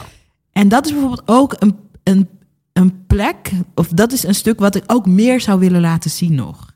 En nu dat mijn dochter geboren is, ben ik denk, voel ik hem ook meer, nog meer. Dus het, in die zin is het zo, je bent het allebei, weet je wel? Je bent en schoothond en je bent roofdier. En ik ben en eh, power, powervrouw en eh soort kroelie kroelie zachte chick. En ik denk, dit is gewoon de tijdperk van dat we... Ben je er bewust van wanneer je in de powervrouw zit en wanneer je in de, in de zorgzame Sarayda zit? Ik merk, maar dat is eigenlijk pas sinds mijn relatie uit is, kijk ik veel naar mezelf, hè? Om te kijken van, eh, ik wil sommige fouten niet meer maken, maar ik wil ook sommige dingen niet meer aantrekken in mijn leven. Dus ik kijk heel bewust naar, eh, naar mezelf. En ik, voor mij is het heel makkelijk om in, eh, in mijn macho kant te gaan. Een vrouwen, een soort vrouwen macho. Snap je? Ik heb ook veel Mhm. mannelijke energie. Als we, je hebt mannelijke en vrouwelijke energie, maar ik heb ook heel veel vrouwelijke energie. Maar ik denk ook, om dan toch terug te komen... Ik heb natuurlijk seksueel geweld eh, ver- verleden. En ik denk dat het voor mij heel lang was. Ik denk misschien mijn hele twenties. In elk geval van 20 Mhm. tot 27. Ja. Durfde ik dat ook weinig ruimte te geven. Die kwetsbaarheid. Omdat ik ook aangetast was op dat stuk. Ja. Dus ik ging heel in de presteermodus. Ik kan ook heel goed presteren. Zo voelde ik me ook goed bij. Word je ook soort op je schouder geklopt. hey, die chick regelt het wel. En toen ik meer ehm, ging verwerken, toen dacht ik, oh, er is ook nog een hele zachte kant die een beetje naar de achtergrond is verschoven. Ja, ja. En met mijn dochter, de komst van mijn dochter, is dat er meer en meer. Maar ik moet wel weer even opnieuw soort die puzzel leggen van hoe zit het bij mij allemaal. Dus daar ben ik, zit ik nu middenin. ja. Super verwarrend, maar wel ook leuk. En dat is, is toch mooi aan het leven. Dat, het is, er is nooit een eindstation. Nee. Weet je wel? In, je, in je business niet qua concrete resultaten, maar ook in je persoonlijke journey niet. Nee. Je hebt altijd weer stuff waar je over aan het balanceren bent. Ja, en die je aan het ontdekken bent. En dat je aan het groeien bent. Ja, En dat is ja, in ieder geval, ja, ik leg maar weer een slecht linkje, maar iets waar ik echt steeds meer mee bezig ben in mijn eigen leven. En wat ook echt in de top drie staat van mijn grootste inzichten van de afgelopen acht jaar. Mhm. Eh, is een hele cliché, maar gewoon waar. Weet je, het leven gebeurt nu. Het, is, het leven is een proces en geen eindstation. Mhm. En het is zo fucking verleidelijk, zeker voor ons als Steeds te ondernemers. Hè? Oh, ik ben er. Ja, of om die, die ik waar ik echt goed in was, eh, gelukkig steeds minder goed in word, is eh, zo'n zo'n eh, zo'n eh, stokje aan mijn hoofd vastbinden. En dan, dan dat een, hier met een touwtje een worst voor mijn neus hangt. en dan kan ik heel hard rennen. Heerlijk. ik zie het ook voor me. Ja, en nou goed, omdat een stokje aan mijn hoofd vast zit, pak ik die worst natuurlijk nooit. Ja, dus het dus kan heel veel brandstof zijn, eh, als dan denken. Mhm. Hè, als, Ja, als ik dit, dan dit. ja, Als zus, dan als zo. ik straks mijn personeel heb, als ik straks die theatershow, als ik, weet je. Ja. En dan, dan ben ik echt gelukkig of zo. Ja, weet je, oh, als ik straks mijn eigen huis heb, als ik straks, nou, whatever. Ehm, en dat kan heel veel brandstof geven, want die worst, ja, die, die, die is heel erg aantrekkelijk en daar ga je fucking hard voor rennen. Mhm. Tot je erachter komt dat dat rennen is het leven en die worst is er nooit. Ja, misschien ooit als je tussen zes plankjes ligt en dan is het Dan klaar. zijn we hier. Nou, hier heb jij je worst. eten. Ja. En ehm, ja, weet je, hier is ook niet echt een concrete how-to. Weet je, je kan Nee. boeken gaan lezen over mindfulness. Maar uiteindelijk moet dit gewoon een soort van gaan indalen. En, en, en bij mij helpt het om mezelf hier elke dag mezelf hier aan te herinneren. Door 's ochtends even kort mijn ogen dicht te doen. En ook gedurende de dag coach ik zo vaak nu mezelf van... Ach, Thijs, dit, dit is het, hè? Mhm. Weet je wel, want ik kan In nu een lijst... zijn. Ja, ik kan nu een lijst van tien dingen opnoemen... die ik wil verbeteren aan mijn leven, weet je wel. Ik, ik financieel bepaalde doelen. Ik heb doelen met mijn business, met, met, met alles. En dan denk ik, ja, maar wacht even. Als ik die doelen allemaal behaal... wat misschien nog wel gaat lukken ook dit jaar... want zo'n wacko ben ik wel... Mhm. Dat is het dan heb roofdier. ik weer nieuwe doelen, weet je wel. Dus, dus dit, dit proces, Ja, als je daarvan kan genieten... dat is de Ja. fucking jackpot. Ja, man. Echt, hè? En dan Echt, komt zo'n Xenos wijsheid uit van... happiness is not a destination, it's a way of life. Gaan we daarmee afsluiten? Ja, we moeten, ja, ja, fuck it, we moeten gaan afsluiten. Ja. Zal ik eens kijken of ik nog één... één, één, Ja, dat is goed. Maar dan Gaan we proberen op kort te wil ik je, precies, wil ik je uitdagen.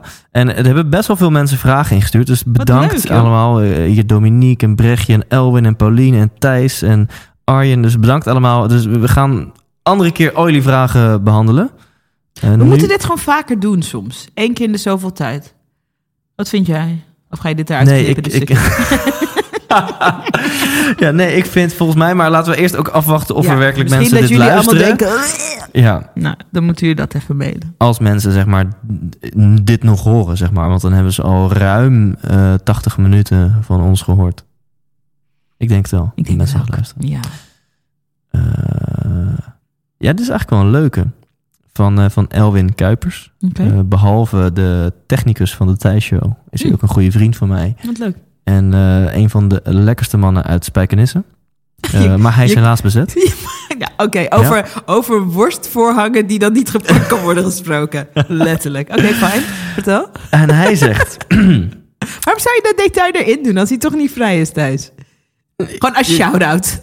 Als soort bromance shout-out. Ja, nou ja, dacht ik gewoon aan. Be beetje speelsheid, mag dat niet? Oké. Anyways.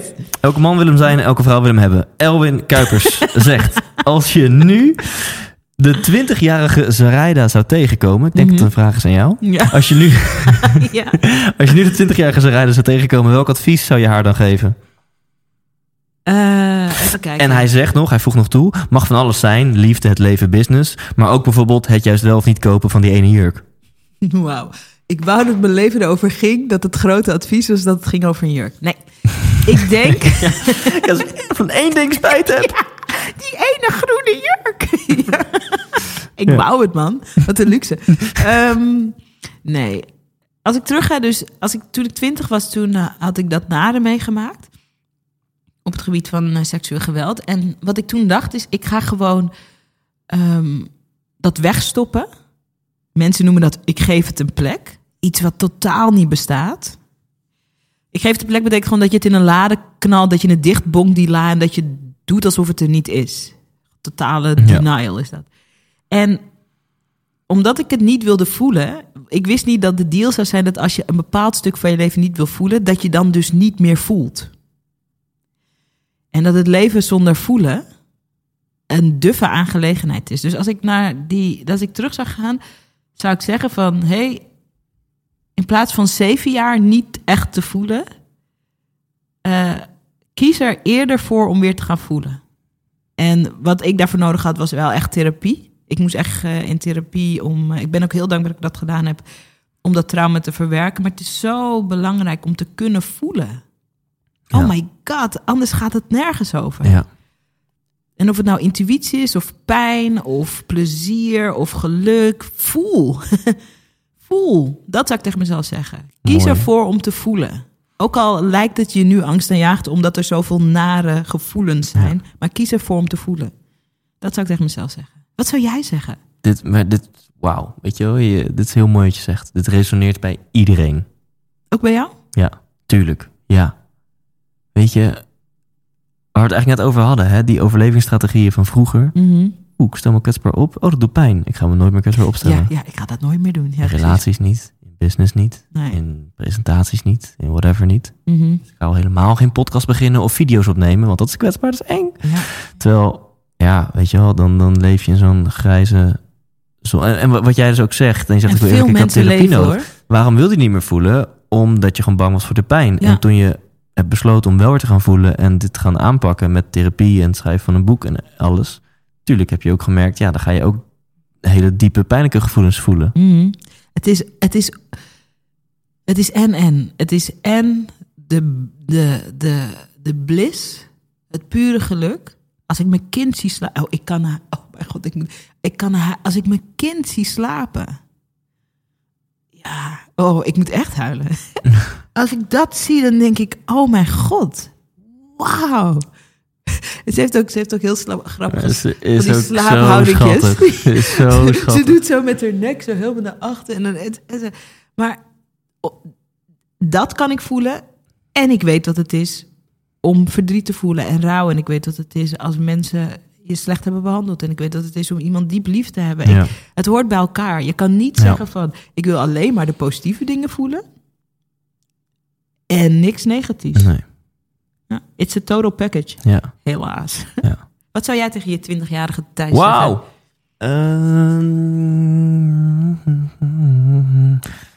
Ehm, ja, ik denk dan toch wel eh, eh, iets- iets, iets in de richting van, van rustig. Hmm. Dude, weet je wel. Zo hard, zo hard rennen, zo hard achieven. Dude, rustig man. Mhm. Het is echt wel... Want Komt kom allemaal wel. de Thijs van 20, hoe- wat, wat moeten we ons daar, wat, wat was je toen aan het doen?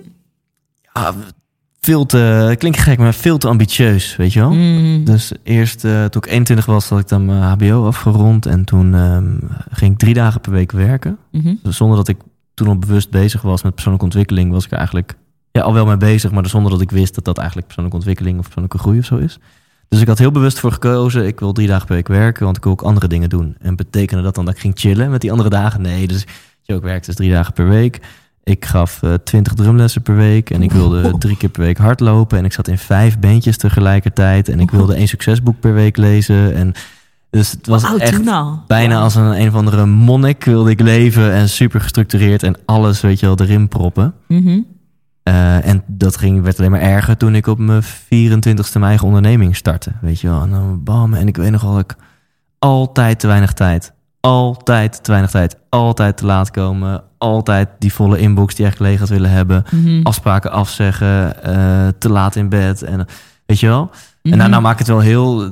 Ik, het was ook Ik denk fucking leuk, hè? Ja, maar ik denk dat veel mensen het herkennen hoor. ja, als ik een één advies mag geven, weet je wel, rustig. Je hoeft niet zo het leven af te dwingen.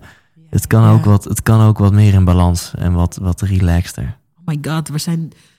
Er is al een andere podcast waar twee mensen praten. Die zielsverwanten heet. Die er ook op Eiburg wordt opgenomen. Van. Dolly en Ilko. Maar ik wou net echt even zeggen... You're my twin soul, volgens mij. maar ik zou niet durven dat te zeggen. Nee. Ja, ik herken Cool. dat totally. En waar zou je dan rustiger aan in willen doen? Wat is dan iets wat bijvoorbeeld... eh Ja, wat, tegelijkertijd weet ik ook hoe moeilijk het advies was. Want ik, ik had ook niet dat bedrijf gehad zo snel dat ik nu heb, als Nee, ik dat had ja. gedaan. Weet je wel? Het was Ja. wel voor een reden. Ehm, maar waarin ik er rustig aan had gedaan, ja, dan toch de how will come. Dus, dus ik zou niet extra kunnen zeggen hoe. Maar als Mhm. ik toen wat meer had beseft van, wacht even, het leven gebeurt nu. Mhm. En zorg er nou nu voor dat je leven in balans is. In plaats van Dat je nu fucking hard werkt. Zodat over vijf jaar je een keer een goede balans kan hebben tussen werken, eh, work hard, play hard, rest hard, zeg maar. Mhm. Als ik iets meer had gerealiseerd, het leven gebeurt nu. En find a way is echt wel een manier om nu ook wat meer me-time te kunnen hebben. En wat, ja, wat minder stress te hebben. Ja, Dan, meer genieten. ja. Mooi. Man. Ja. Ja, dat, is- dat één, één zinnetje zit ik in mijn theatershow. Dan, dan, hè, ik ben heel erg hardop aan het filosoferen en aan het denken in mijn show. Want dan heb ik weer wat meegemaakt. Of ik heb een interview gedaan, bijvoorbeeld met Wouter Duinersveld, waar ik helemaal mee begon. Mhm. Eh, of, of, of ik heb weer een seminar gevolgd of wat dan ook. Ik neem dan de zaal daarin mee. En dan ga ik daarna hardop filosoferen. Wat ik dan ook echt veel te veel en veel te vaak heb gedaan in mijn leven. En dan een van de dingen die ik dan ook zeg van... Hé, maar ik dacht dat we geluk moesten vinden in het realiseren van onze dromen. Mhm. Maar moeten we geluk niet veel meer vinden in dankbaar zijn voor wat we al hebben? Mhm. Ja. En ik denk dat dat, Het is wel eh, heerlijk met, leven, een- ja. met, met weinig woorden best wel veel gezegd is. Ja. Mhm. Mooi. We moeten gaan afronden, ben ik bang. Ja. Dit was heel leuk. Echt heel anders. Ja. En ik heb nu altijd, maar dat ga ik zo ook in mijn vlog zeggen. Ik denk, heb ik nou niet te veel verteld? Nou, same fucking here. Of, of, of dat ik denk ook, ja, maar... Oh, en de dingen die ik heb, we zaten niet te laag in energie. Want ik had een beetje een afterlunchdip de e- eerste half uur. En, en, en is het niet een, een te erg random koffietafelgesprek? Laat maar weten aan ons. Ja. Laat maar weten. Maar je weet ook, in je onderbuik voel je ook, of tenminste voel ik van, omdat we gewoon eerlijk waren en omdat het gewoon real fucking talk was, was het goed. Ja, want we zijn mens geweest de afgelopen anderhalf uur. En volgens mij hadden we samen bedacht dat mens zijn, dat mensen dat boeiend vinden. Ja. En, ja. Dus aan jou, aan jou om te horen. Wat heb je beleefd? Haal je er iets uit? Wat zijn de inzichten? Waar herken je in? Nog één ding, Oh, bedenk ik oh, me nu, want de- we gaan een weggevertje zetten. Oh, cool, ja, dit was cool. eigenlijk gewoon eh, een aanloop naar deze pitch. Ja? nee, heel flauw. Op, op thijslindhout.nl slash Zarijda. Ja? Daar geef ik een, een gratis videocursus van jou weg. Wat Ja. is het precies? Ja, ja. ja, ik wil daar twee dingen van zeggen. Oké. Je kan met mij beginnen video's te maken als je, net als eh, wat we over Bas bespraken, van als je eigenlijk nieuwsgierig bent naar wat, wat is het verhaal waarmee ik mensen zou kunnen helpen. Mhm. Net zoals dat Bas niet zag dat hij eigenlijk mega inspirerend was met zijn verhaal. Kan jij dat waarschijnlijk, heb je waarschijnlijk ook dat er iets aan je leven is wat super inspirerend is en wat je nog niet laat zien.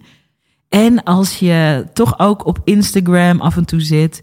eh, ik doe een dagelijkse show op Instagram over zichtbaarheid. Maar een beetje vanuit de sfeer die wij nu hebben. Gewoon real, eerlijk, openhartig. En als je zin hebt om daar een keertje een aflevering van mee te pikken, volg me dan op Sarayda Groenhart.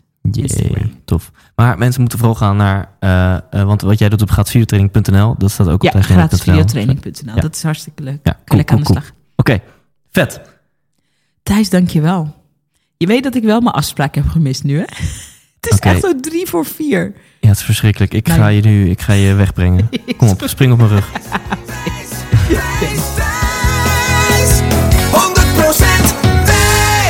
Yes, bedankt voor het luisteren. Ik ben heel benieuwd. En anders, Zarijda wel wat je hiervan vindt. Dus laat het even achter op eh, Instagram. Dat is denk ik wel heel erg tof. En ehm, wat je net aan het einde al hoorde en ook in de intro. Check it out. Ga naar thijslindhout.nl slash. Als jij een ondernemer bent, als je ZZP'er bent, als zichtbaarheid voor jou belangrijk is. Of als je om wat voor reden dan ook met video aan de slag wil gaan. Ik durf te zeggen, Zarijda is dé expert van Nederland op dit gebied. En je krijgt een hele vette, waardevolle videotraining. Gewoon gratis op thijslindhout.nl slash Zarijda. Dus eh, ga dat doen. En als je dan toch op die website zit, op mijn website zit, ja... Bestel dan even tickets voor 6 juli. Eh, gezellig met je partner, met wat vrienden, met collega's. I don't know, familieleden. Een avondje inspiratie en entertainment op vrijdagavond 6 juli. Hopelijk tot volgende week. En onthoud, leef intens. Hey, Thijs hier nog even heel kort. Als je dit interview hebt geluisterd, dan ben je net zo'n gelukstijgertje als ik. En dan is er maar één ding wat je nu het allerbeste kunt doen. Namelijk gaan naar ikwilgeluk.nl, want daar download je helemaal kosteloos mijn e-book en ontdek je wat wel en niet gelukkig maakt. Oftewel, bespaar jezelf een hele hoop ellende van het zelf proberen uit te vogelen en ga nu naar ikwilgeluk.nl.